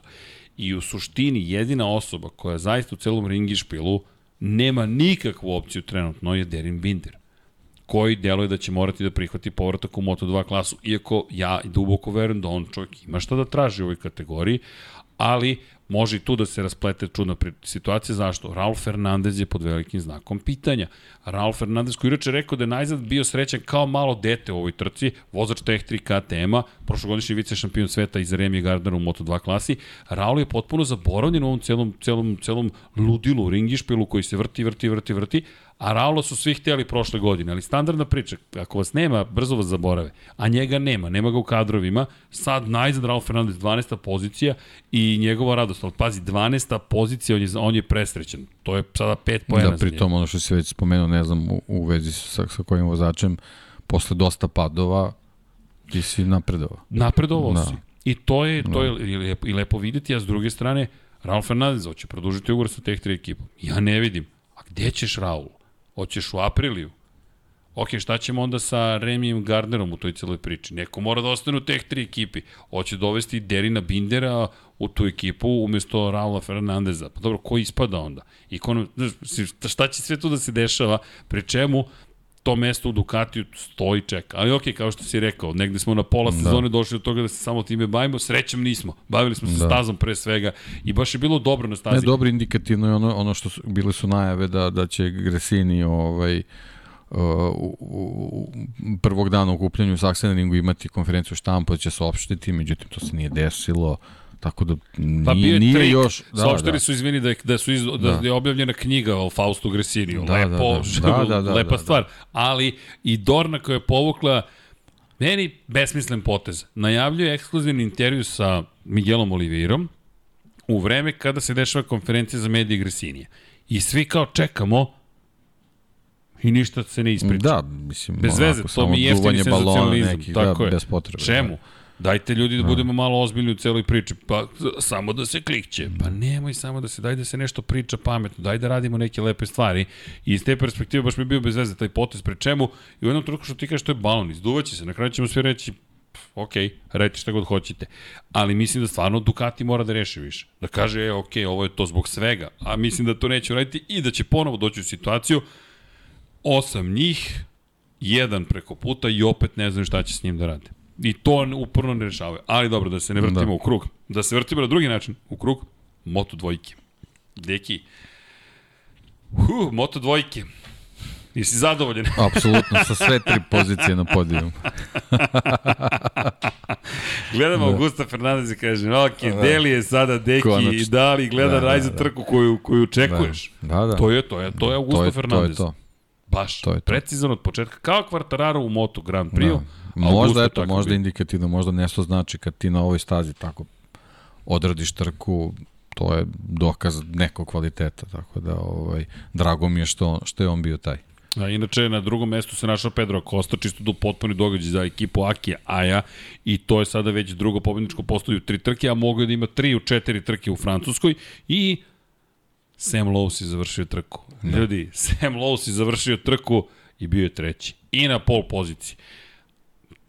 Ništa dalje od toga Puna neću kapa. reći. Puna kapa. Ta, tu da. stajem. Što se tiče Seba Lowsa, respekt. I to je tačka. Dalje od toga neću da pričam. Čekam Asen da vidim šta će tamo da uradi. Ali što se tiče Sema, mnogo više nego što smo očekivali, ja mislim, ali ono što smo rekli, završi čoveče trku. Aman završi više trku i to je uspeo da učini. Pohvale za Marcela Šrotera, vratit će se na Augusta, ali Šroter koji je dao sve od sebe da bude na pobedničkom postavlju Nemačkoj i lepa je bila ona scena. A, Odlično bilo, ne, ne, publika stvarno zaslužuje desetku, ovo, sve je bilo na vrhunskom nivou od, od tih situacija sa, sa Millerom, sa Šroterom, super je bilo stvarno. stvarno. Način na koji se... Kvartararo, Tako je. čizme, Da, il, odlično. Da. i super je, i Da. to mi se isto I dopalo. lepa atmosfera, stvarno. Kvartararo, da, toga nismo pohvalili što d, predstavnik Dorniga vuče, jej, televizija, televizija. A ej, evo ti najbolja televizija koju ćeš ikada imati. Pusti, pustite ljudi da budu ljudi. E, zaboravljaju. Zamisli da su u Rosiju rekli, ej, e, dečko, nemoj proslavljaš ti to tvoje, nego da e, skini to, to ti je zabranjeno i nemoj... Da. Pa ne bi... Čemu pričaš? Pritom, to je ta ista Dorna. Tako je. Vi ste to doživeli. Vi ste gledali kako vam raste sport zahvaljujući nekome ko je bio brz, spektakularan pobednik i zabavan. I sada ste I slavio s publikom. slavio s publikom i sada, ne, ne, ne, skloni se od publike, e, moramo da žurimo na konferenciji za medije jer čekaju nas televizije. Ne, televizije žele upravo to, jer to će ljudi da gledaju, jer se osjećaju dobro, zadovoljno, srećno, povezano sa svojim voljenim sportistima. Teška tema. Ne, ono, ne znam, ne znam šta je obrazloženje u tim situacijama, koji će kadar da, da pobegne i, i neće imati prostora u, u određenom terminu zbog te Šta, kao satelit će neplani, više da neplanirane košta? stvari. Pa platite satelit, nije Pa, to ništa ne, sporno. Sve je u redu, ljudi, nemoj tu da štedite, štedite negde I drugde. dobro, i ono, naravno, neverovatan talent za promenu kadrova. Nemam reći. Ja nemam reči, Nemam ali reči. zaista sad već počinjem da gubim tekst, jer jednostavno vidiš da se nešto dešava. Bi, bi pobednika nismo ni videli na kraju. Kada, kada pričamo o Moto2 klasi, ne, o Moto3 klasi. Guevara je prošao kroz cilj, niko nema predstavu da li je čovjek prošao kroz cilj. To morate da ispuštujete, pa makar trajalo pola sekunde. Ni- A nije pojenta da ga gledate od 25 sekundi, ali ja ne znam šta im se desilo, zaista. Moram da ne pitam, jeste promenili režiju i da li se, šta se desilo? Tako deluje. jer deluje kao da ste se potpuno pogubili, mada ja mislim da, ne znam kom je to rekao, da je taj period od dve godine u nekom, nekom čudnom ajde, magnovenju gotovo u pandemiji je doveo do toga da ljudi neke stvari više ne shvataju na način na koji su shvatali, ali ja držim palče da će to promeniti jer zaista imaju ču- ču- ču- čudne momente. Zaista čudne momente. No, da ne pobegnemo do Augusta Fernandeza. Preticanje u krivini broj 3.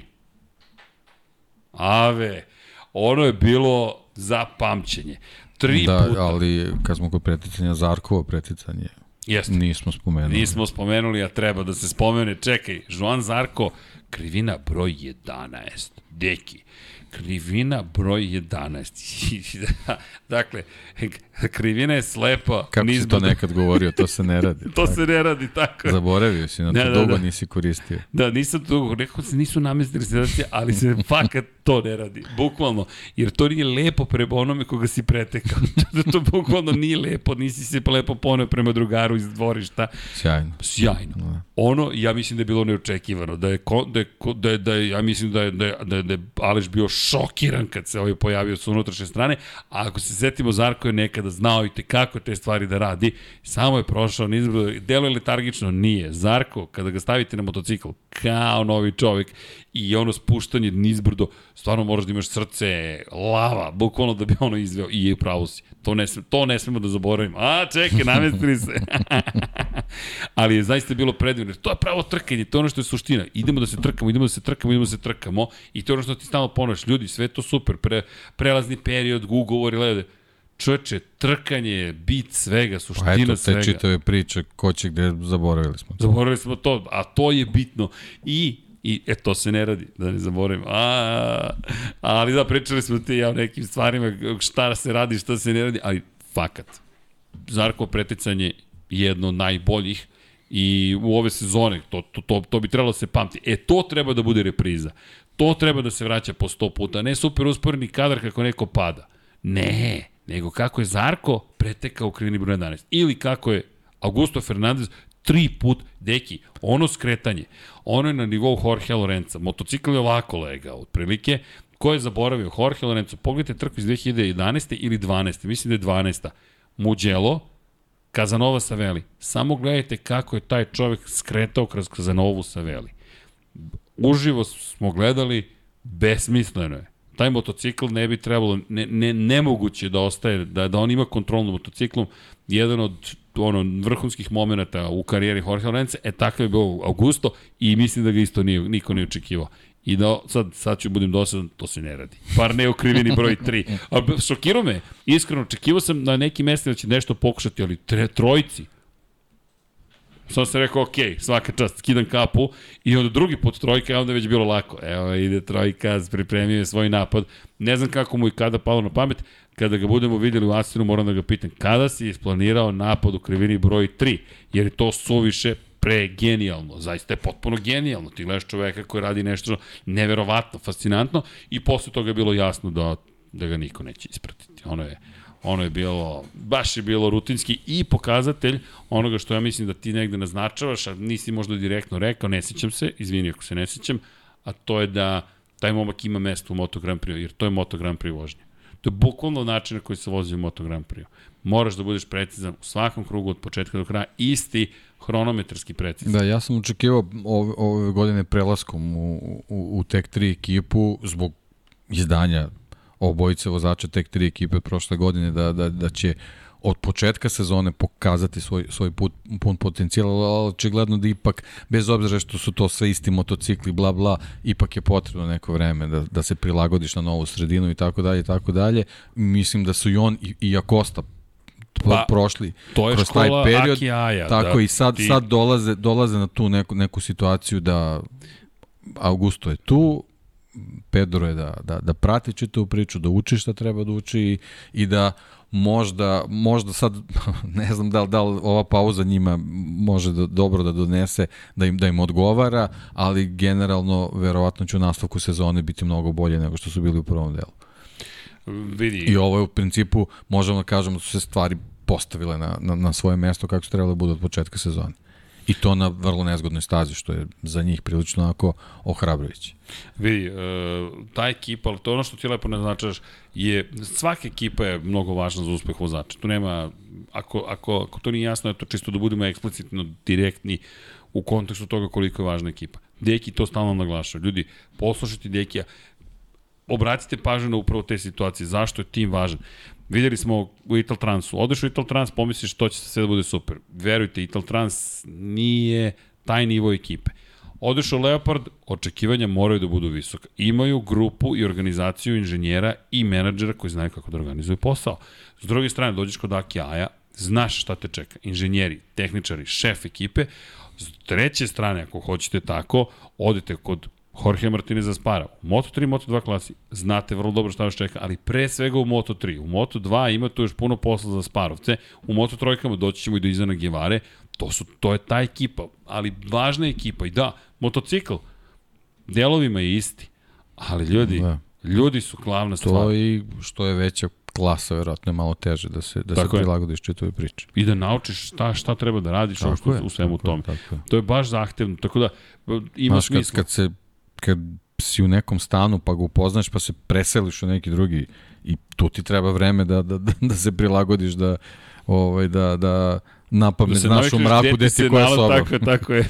Sećaš se, Lewis Hamilton je pre, prešao Mercedes pa je, pa je otišao u boks da, McLaren. Otišao. Mislim, to, to su neke stvari koje, se, koje kad, se, kad se koncentrišeš na, na, na, na, na mnogo važne situacije, ne, neke ti onako podsvesno, Podsvesno. isplivavaju. Sad, verovatno su i Acosta i, i, i Hernandez imali, Fernandez imali puno a, nekih situacija a, za koje su morala se koncentrišu da bi ušli čitavu priču i onda neke druge, jednostavno teško je da, da, da, da onako po inerciji radiš i, i jednostavno zbog toga možda pomalo zaostaješ u tim trkama, onda je malo malo neto nekih glupih ovaj okolnosti i situacije kad možda budeš do, ovaj dobar sećam se Augusto kako je ono u Argentini završio bukvalno trku koja je mogla da bude odlična posle par stotina metara u prvoj krivini, krivini, ni kriv ni dužan, ali jednostavno eto desi se tako. Dijel sezone. Ali... Tako da ovaj, mislim da ovo sad jednostavno legle su neke stvari, još, još od Francuske to, to, to bilo dobro i eto, to polako sad, sad možda se namešta na, ne, pa pazi, na, ne, na neku njihovu vodenicu. 12 pojena trenutno samo zostaje. Samo 12 pojena da, kad pričaš da. o padovima. Zbog tog nekog spleta okolnosti. Čelestino da. Vijat je ponovo izletao sa staze. Da. Pazi, ovo je Nešto sada već... izletao, nego što to je sve jako loše izgledalo. Od početka do kraja. Q1 da u Q2 je ušao, ali opet nedovoljno dobre kvalifikacije, da, loš start, I, i, bitka. I njegove gestikulacije su tokom čitog vikenda govorile da, da to nešto ne funkcioniše kako treba. I to je ono što što je jako nejazgodno u situaciji kad se boriš za titulu. E, a pazi, boriš se za titulu, je pitanje da li se ti boriš ili braniš da. ono što si stekao na početku sezone. Pa da, ali Jer... to je to je neka situacija u kojoj je bio Bastianini. Hmm, da, da, da, da, okej. Okay. Sad ćemo toga. da vidimo kako to, će to, Čele to, to, to. da se izbori sa tom situacijom. Ali vidi, ali mislim da je drugačije u odnosu na Beš, Beštiju jedna bitna stvar. Od te sezone nekako niko se nije e, baš izdvojio, nije uspio da se izdvoji. Mislim da se sada Augusto Fernandez polako li sigurno izdvaja. Augusto ovo nije prvi, prvi ples u borbi za titulu šampiona sveta. 2019. on je i tekako bio ozbiljan rival Aleksu Markezu, zajedno sa u sa Lorencom Baldassari. Mirče, pozdrav za Lorenca Baldassarija u Supersportu. Dobro, pobede, nelepo je videti ga, ali ono što je u celoj, pri, u celoj priči važno, rekao bih važno, jeste da kad ti pogledaš Augusta Fernandeza, on je prošao među vremenu Mark VDS Racing, stigao sada kod Akijaja i deluje zaista dobro. U Herezu on bio četvrti, znači nije to bilo loše, ali kao da je bila potreba završiti trku. Završio, onda je pobedio u Francuskoj i sada već kreće niz ozbiljnih rezultata. U istom tom periodu, sad ne znam da će se ponoviti 2019. pa će biti ponovo. Imam period, pa padnem, pa imam period. Vidjet ćemo, ne znam, ali mislim da si u pravu da je ovo rešenje da nema samo jednog kratkoročnog perioda u kojem je on došao do toga, sad sam zabeležio pobedu to je to. I vraćamo se na ono što sam i htio negdje da kažem, a to je Augusto Fernandez mi deluje previše ozbiljno da bi Ćele mogao sebi više da priusti ovakve stvari. Imaš sada rivala. Dakle, mi sada ne govorimo, Ajo Gura i dalje drugo plasirano u šampionatu sveta, ali Ajo Gura bio sedmi, pa je sada bio osmi u poslednje dve trke. To je iste, iste, isti nivo grešaka kao kod Ćeleja. 25 poena je osvojio u poslednje tri trke Ćelestino Vijeti. Jedno otkazivanje motora, jedna pobjeda, jedna nezavršena trka. U tom istom periodu, u tom istom periodu, imamo čoveka koji, koji je osvojio 33 poena i zove se Ajo Gura. Aj je i dalje osvojio više poena od te tri trke. Međutim, spustiš malo pogled do Augusta Fernandeza, dakle 25, 33 i dođeš do čoveka koji je bio peti, treći i prvi i jednom kažeš čekaj, ovaj čovjek ima 53 poena u tri trke. To je sad već mnogo velika razlika i zato mislim da Celestino baš je ovo veliki test, jer ako ode posle loše trke na pauzu, mislim da će mu biti baš duga pauza. Tako da Holandija, čisto da najavimo Holandiju, mislim da će biti spektakularna iz te perspektive. E da, u Moto Grand Prix nismo rekli.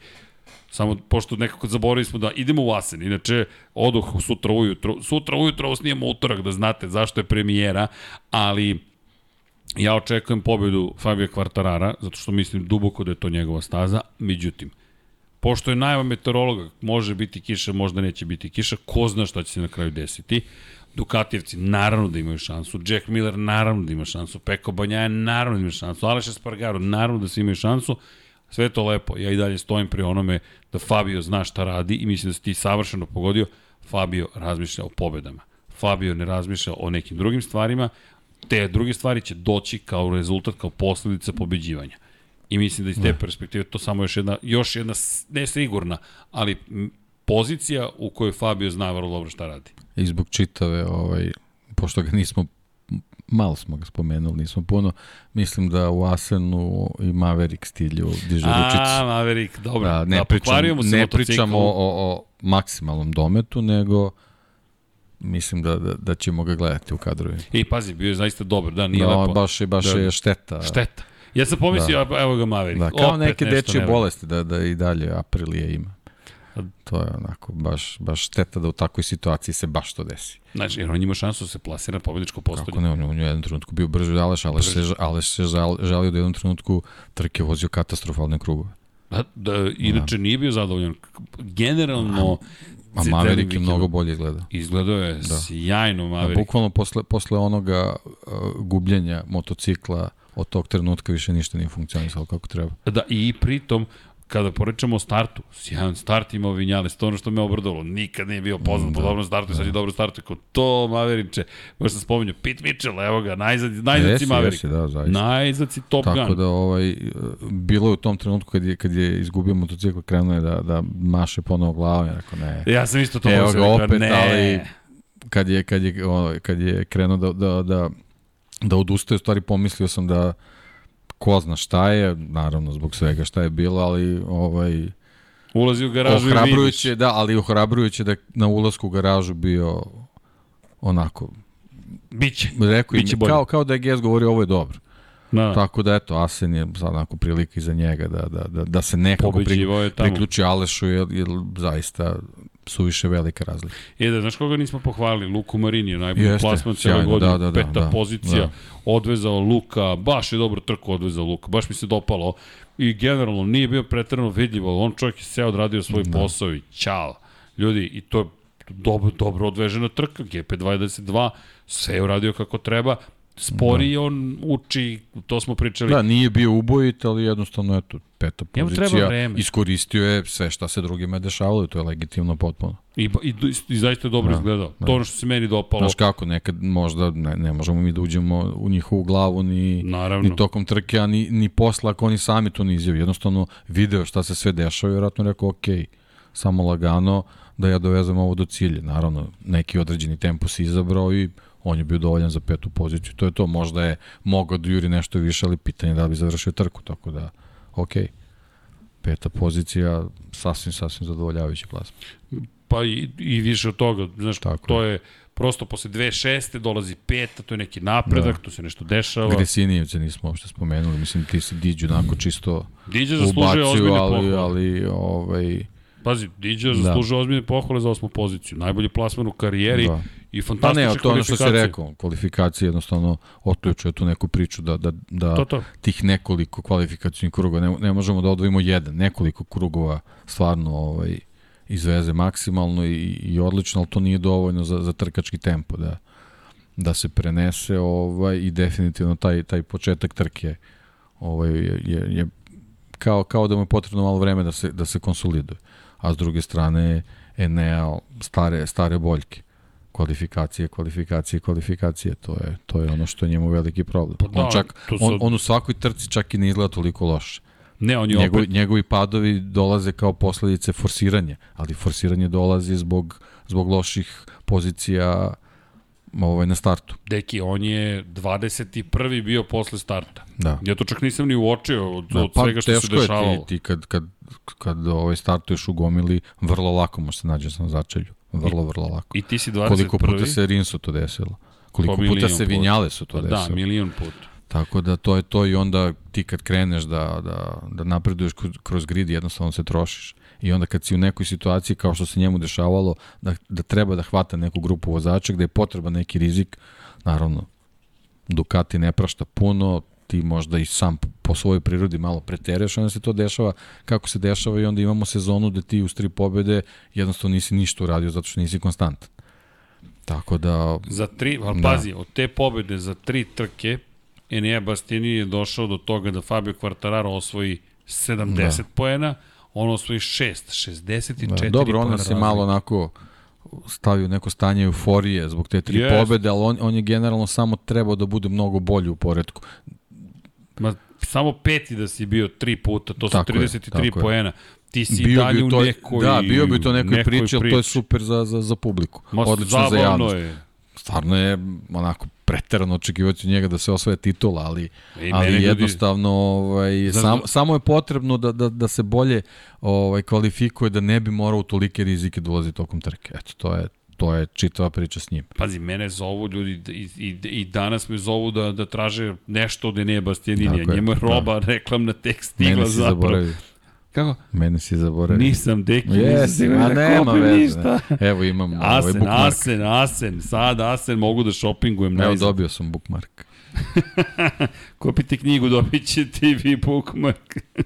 pa da iskoristim priliku crveno i crno, Mihael Schumacher, autor Dejan Potkonjak, Ayrton Sena, put ka savršenstvu, Ayrton, Ayrton, autor Da, dobro, Potkonjak, da, da, da, da, niko ne zna zapravo da je već prošlo 9 uveče i uskoro počinje zapravo Formula 1, pa je tamo, mi snimamo, pokušavamo sve da izvedemo, zašto? Pa ne samo da rizikujemo da li će biti Ovo internet, što da sledi, biti internet. gledali ste juče. Kada ste juče ovo što sledi, bukvalno.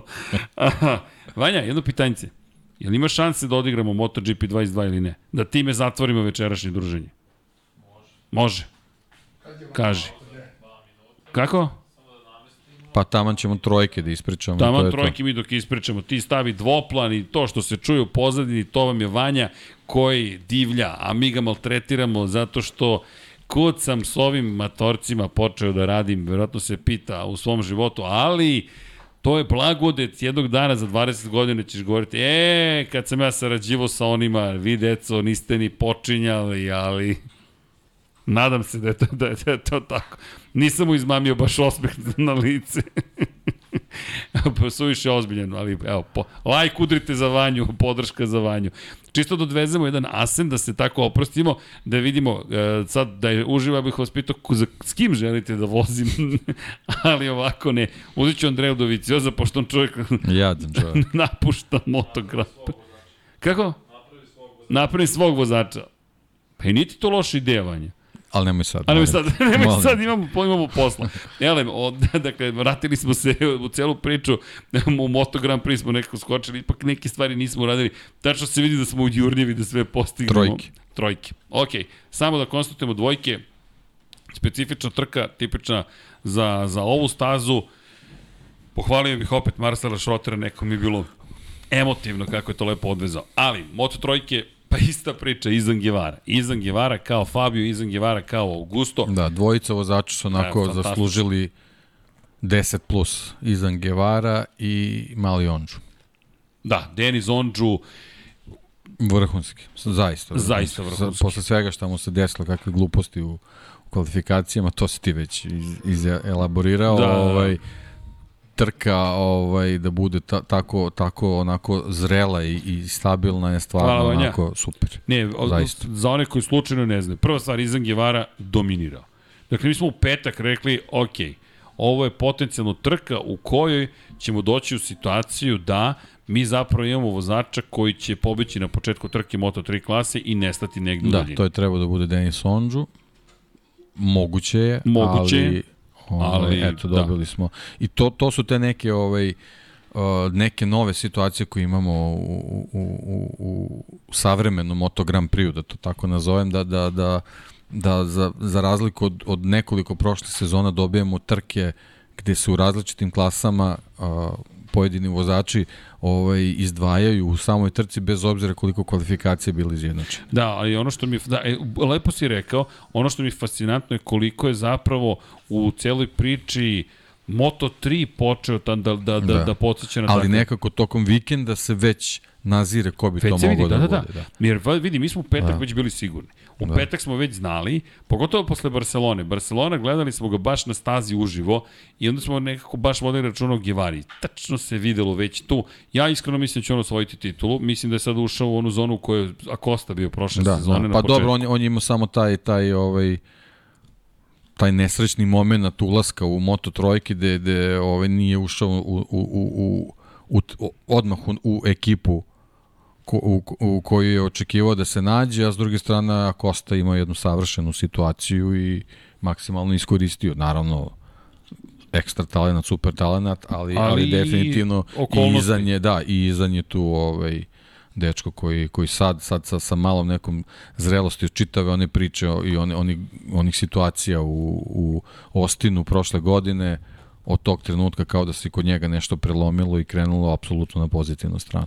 Da, Austin baš je ispao, iako je na, na praktično, da kažemo, pravilnik dobio da. tu pobedu. Nema veze, ali, ali reakcije se- posle, posle te prve trke ovaj, prekinute i posle šta je bilo, jednostavno i on je tu shvatio da samo treba ono, što si pričao Fabiju, spusti glavu i radi svoj posao. Tako je. To je to je jedino što trebaš da uradiš u tom trkačkom vikendu da bi u, to jest u, u samoj trci, ne u vikendu, nego u samoj trci da bi da bi znao da si uradio sve što treba da to bude maksimalno. I iz te perspektive, izvini, to. samo da se nadovežem na Deniza Ondžua.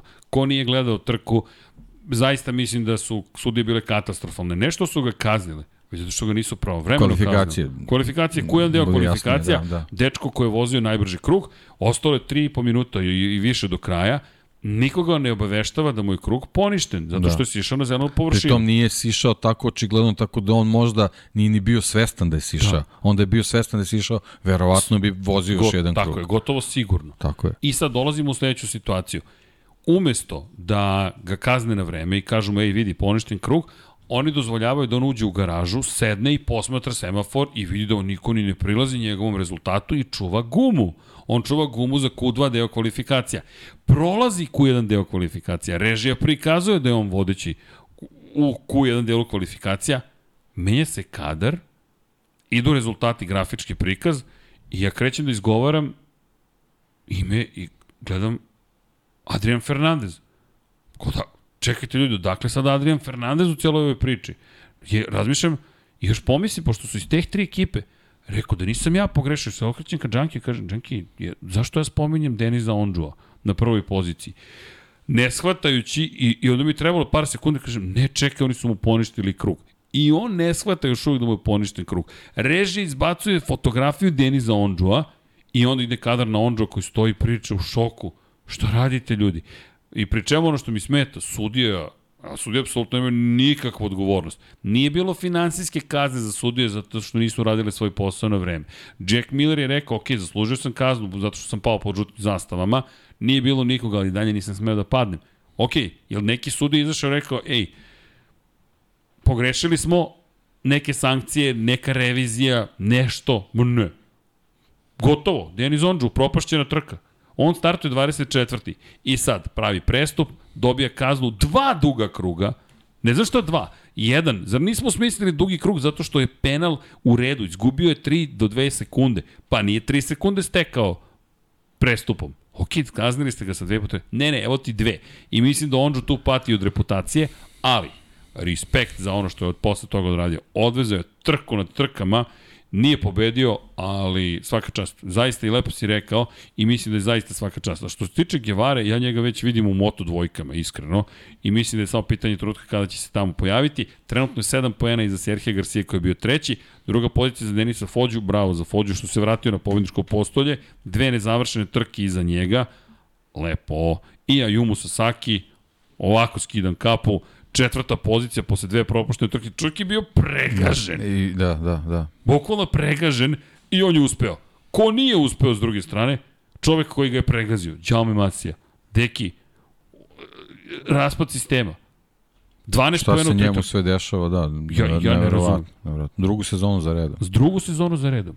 I ovako sedim i razmišljam, ok, razumeo sam u muđelu, pregazio si nekoga, ne znaš da...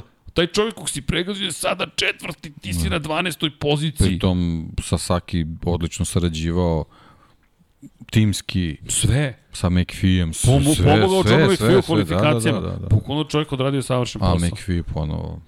Ne, nemam, Da. nemam nek, ne znam, ne znam, ne, ne znam kako bih komentarisao. Carlos taj kažnjen će biti inače na sledećoj trci imaće kaznu dva duga kruga.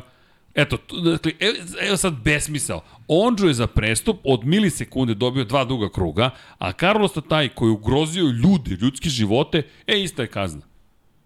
Kako?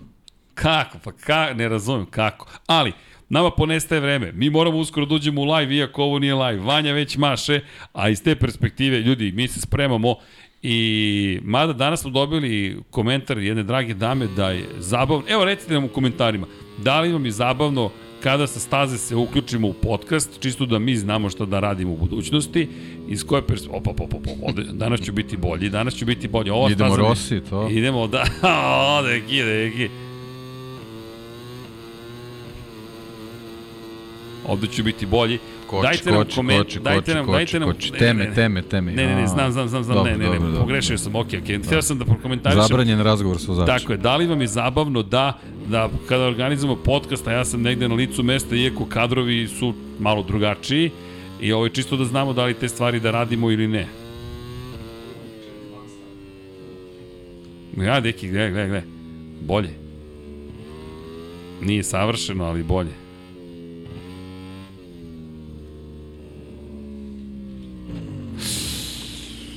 Dobro, dobro, dobro, dobro. Vanja, ne brini, sledeći krug je moj. I tu završavamo podcast. Dakle, pitanje je da li vam je zabavno, zabavno, ne da samo to, informativno, kvalitetno ono što radimo, zabavu ćemo lako da organizujemo, opa, previše pričam, dobro, izvinite.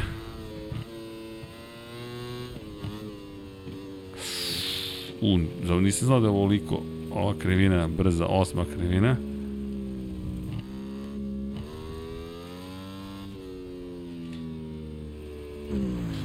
Mnogo gasa i kasno kočiš. Mnogo gasno i kad da znam, zvatio sam. Moram nežniji na gasu da budem.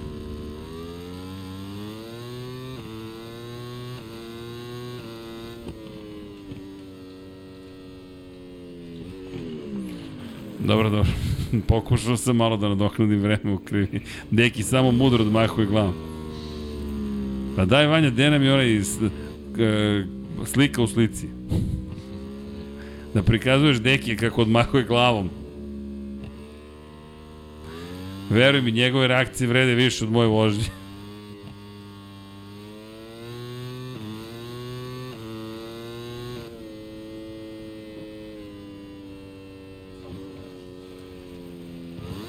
Kako?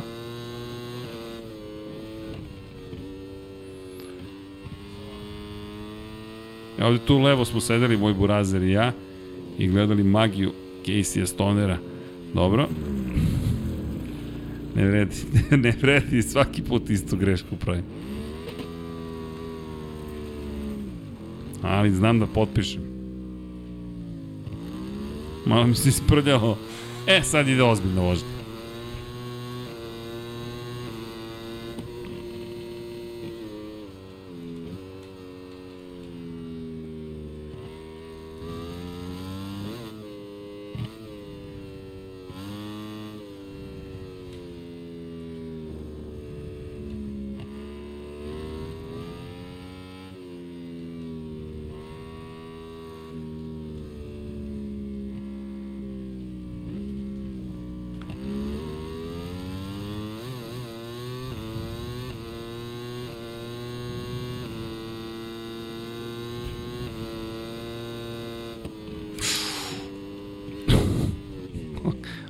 Okej. Okej, ovde sam malo promašio skretanje. Deki je spustio pogled na trenutak i neprijatno iznenađenje Sreća, ga pa nisam vidio. Do, bolje što ovo nisi vidio, ovo je baš bilo loše.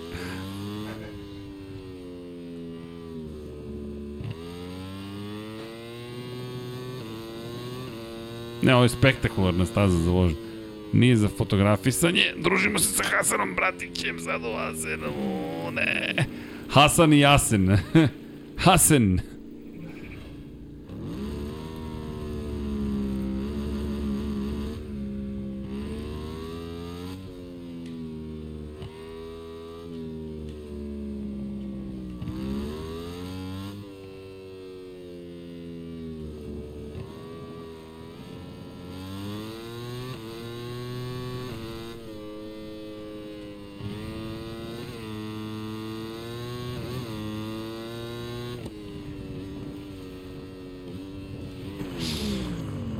Ramšek me sredio.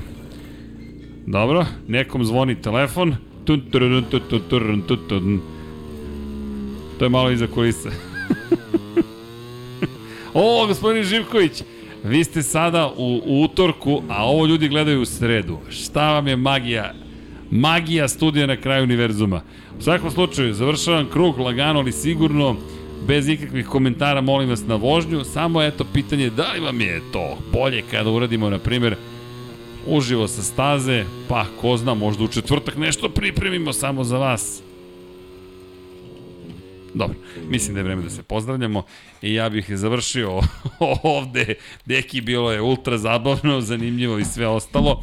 Vanja, znaš šta ću te zamoliti, pošto sad ćemo malo magijom da se bavimo. Ako ti nije problem, uskoči i kasnije pročitaj imena svih pokrovitelja, svih ljudi koji su na YouTube-u ili snimi ili nešto slično, ali sa svim novim imenima. I reci, dragi ljudi, uh, ovo je igra sa prošlošću, budućnošću i sadašnjošću, sadašnjošću, a vreme je da gospodin Pavlo Živković zauzme svoju poziciju, ako nekako zadržimo gospodina Potkonjaka, ne znam, donirajte pare u Formula 1 podcastu ili udarite join, ali sme se, mi u svakom slučaju pozdravljamo sve vas, mi vas volimo. Deki, ja sam nasmeo. To je bilo juče i odgovor već imate. Tako da je lepo što je ostao. Šaljivđija. da. Pokušao sam, ako ništa drugo, ali u svakom slučaju, dragi ljudi, želimo vam laku noć. Ako gledate u snimku, kakav god da je trenutak, želimo da vam bude lep i nadamo se da ste, da ste se lepo informisali, da ste uživali zapravo u ovoj priči o Moto Grand Prix. Ljudi, ne zamirite, pokušavamo mnogo toga, ali evo, danas stigla nova oprema, malo drugačije su boje, valjda. Ako ste primetili, super, udrite like, pozdravite celu ekipu. Hvala Vanje, hvala koleginici iz Prode Dom Pablo, top top, zatim, ne, bez smeha, a zatim gospodin Živković nastupa i idemo u Formulu 1, to jest već smo bili u Formulu 1, obožavamo ovu igru, ljudi, Ja sam sada već, verovatno, nadam se u Asenu, to znači da smo na farmi, posjećemo slike, bukvalno spavamo na farmi i da čekam nim kako će to biti ugođaj. Vreme je da se pozdravljamo, udrite like, udrite subscribe i naravno pratite Infinity Lighthouse, pratite pod kapicom i družite se sa dobrim ljudima, recite vodljenima da ih volite, ne znam, radite nešto dobro danas, pošaljite neki lep SMS, neke dobre boje i budite dobri. Deki, hoćemo? Ajmo. 1, 2, 3. Ćao svima! svima. Poseban pozdrav za naše pokrovitelje na Patreonu, patreon.com kroz Infinity Lighthouse, a naši pokrovitelji su Sava, Toni Ruščić, Ruščić, Mario Vidović, Ivan Toškov, Stefan Dulić, Marko Bogovac, Ozren Prpić, Marko Mostarac, Nikola Grujičić, Aleksa Vuče, Zoltan Mezej, Zoran Šalamun, Miloš Banduka, Laslo Boroš, Đorđe Radović, Ivan Simeunović, Mihajlo Krgović, Grgo Živaljić, Nikola Božinović, Monika Erceg, Omer Kovačević, Filip Banovački, Miroslav Vučinić, Predrag Simić, Žorž, Stefan Vidić, Mlađan Antić, Jelena Mak, Mladen Krstić, Marko Ćurčić, Milan Nešković, Ivan Maksimović, Bojan Mijat Mijatović, Petar Elić, Stefan Prijević, Nenad Simić, Luka Savović, Andrej Božo, Boris Gvozden, Boris Golubar, Zorana Vidić, Luka Manitašević, Ljubo Đurović, Borko Božunović, Đorđe Andrić, Aleksandar Gošić, Mirjana Živković, Nemanja Miloradović, Miloš Vuletić, Vukašin Vučenović, Zoran Cimesa, Miroslav Cvetić, Marina Mihajlović, Veselin Vukićević, Jelena Jeremić, Antonio Novak, Stefan Milošević, Nikola Stojanović, Jasenko Samarđić, Mihovil Stamičar, Stefan Nedeljković, Zora Majdov, Josip Kovačić, Lazar Pejević, Benjamin A, Nemanja Jeremić, da žena ne sazna, Boris Kunđić, Tijena Vidanović, Stefan Ličina,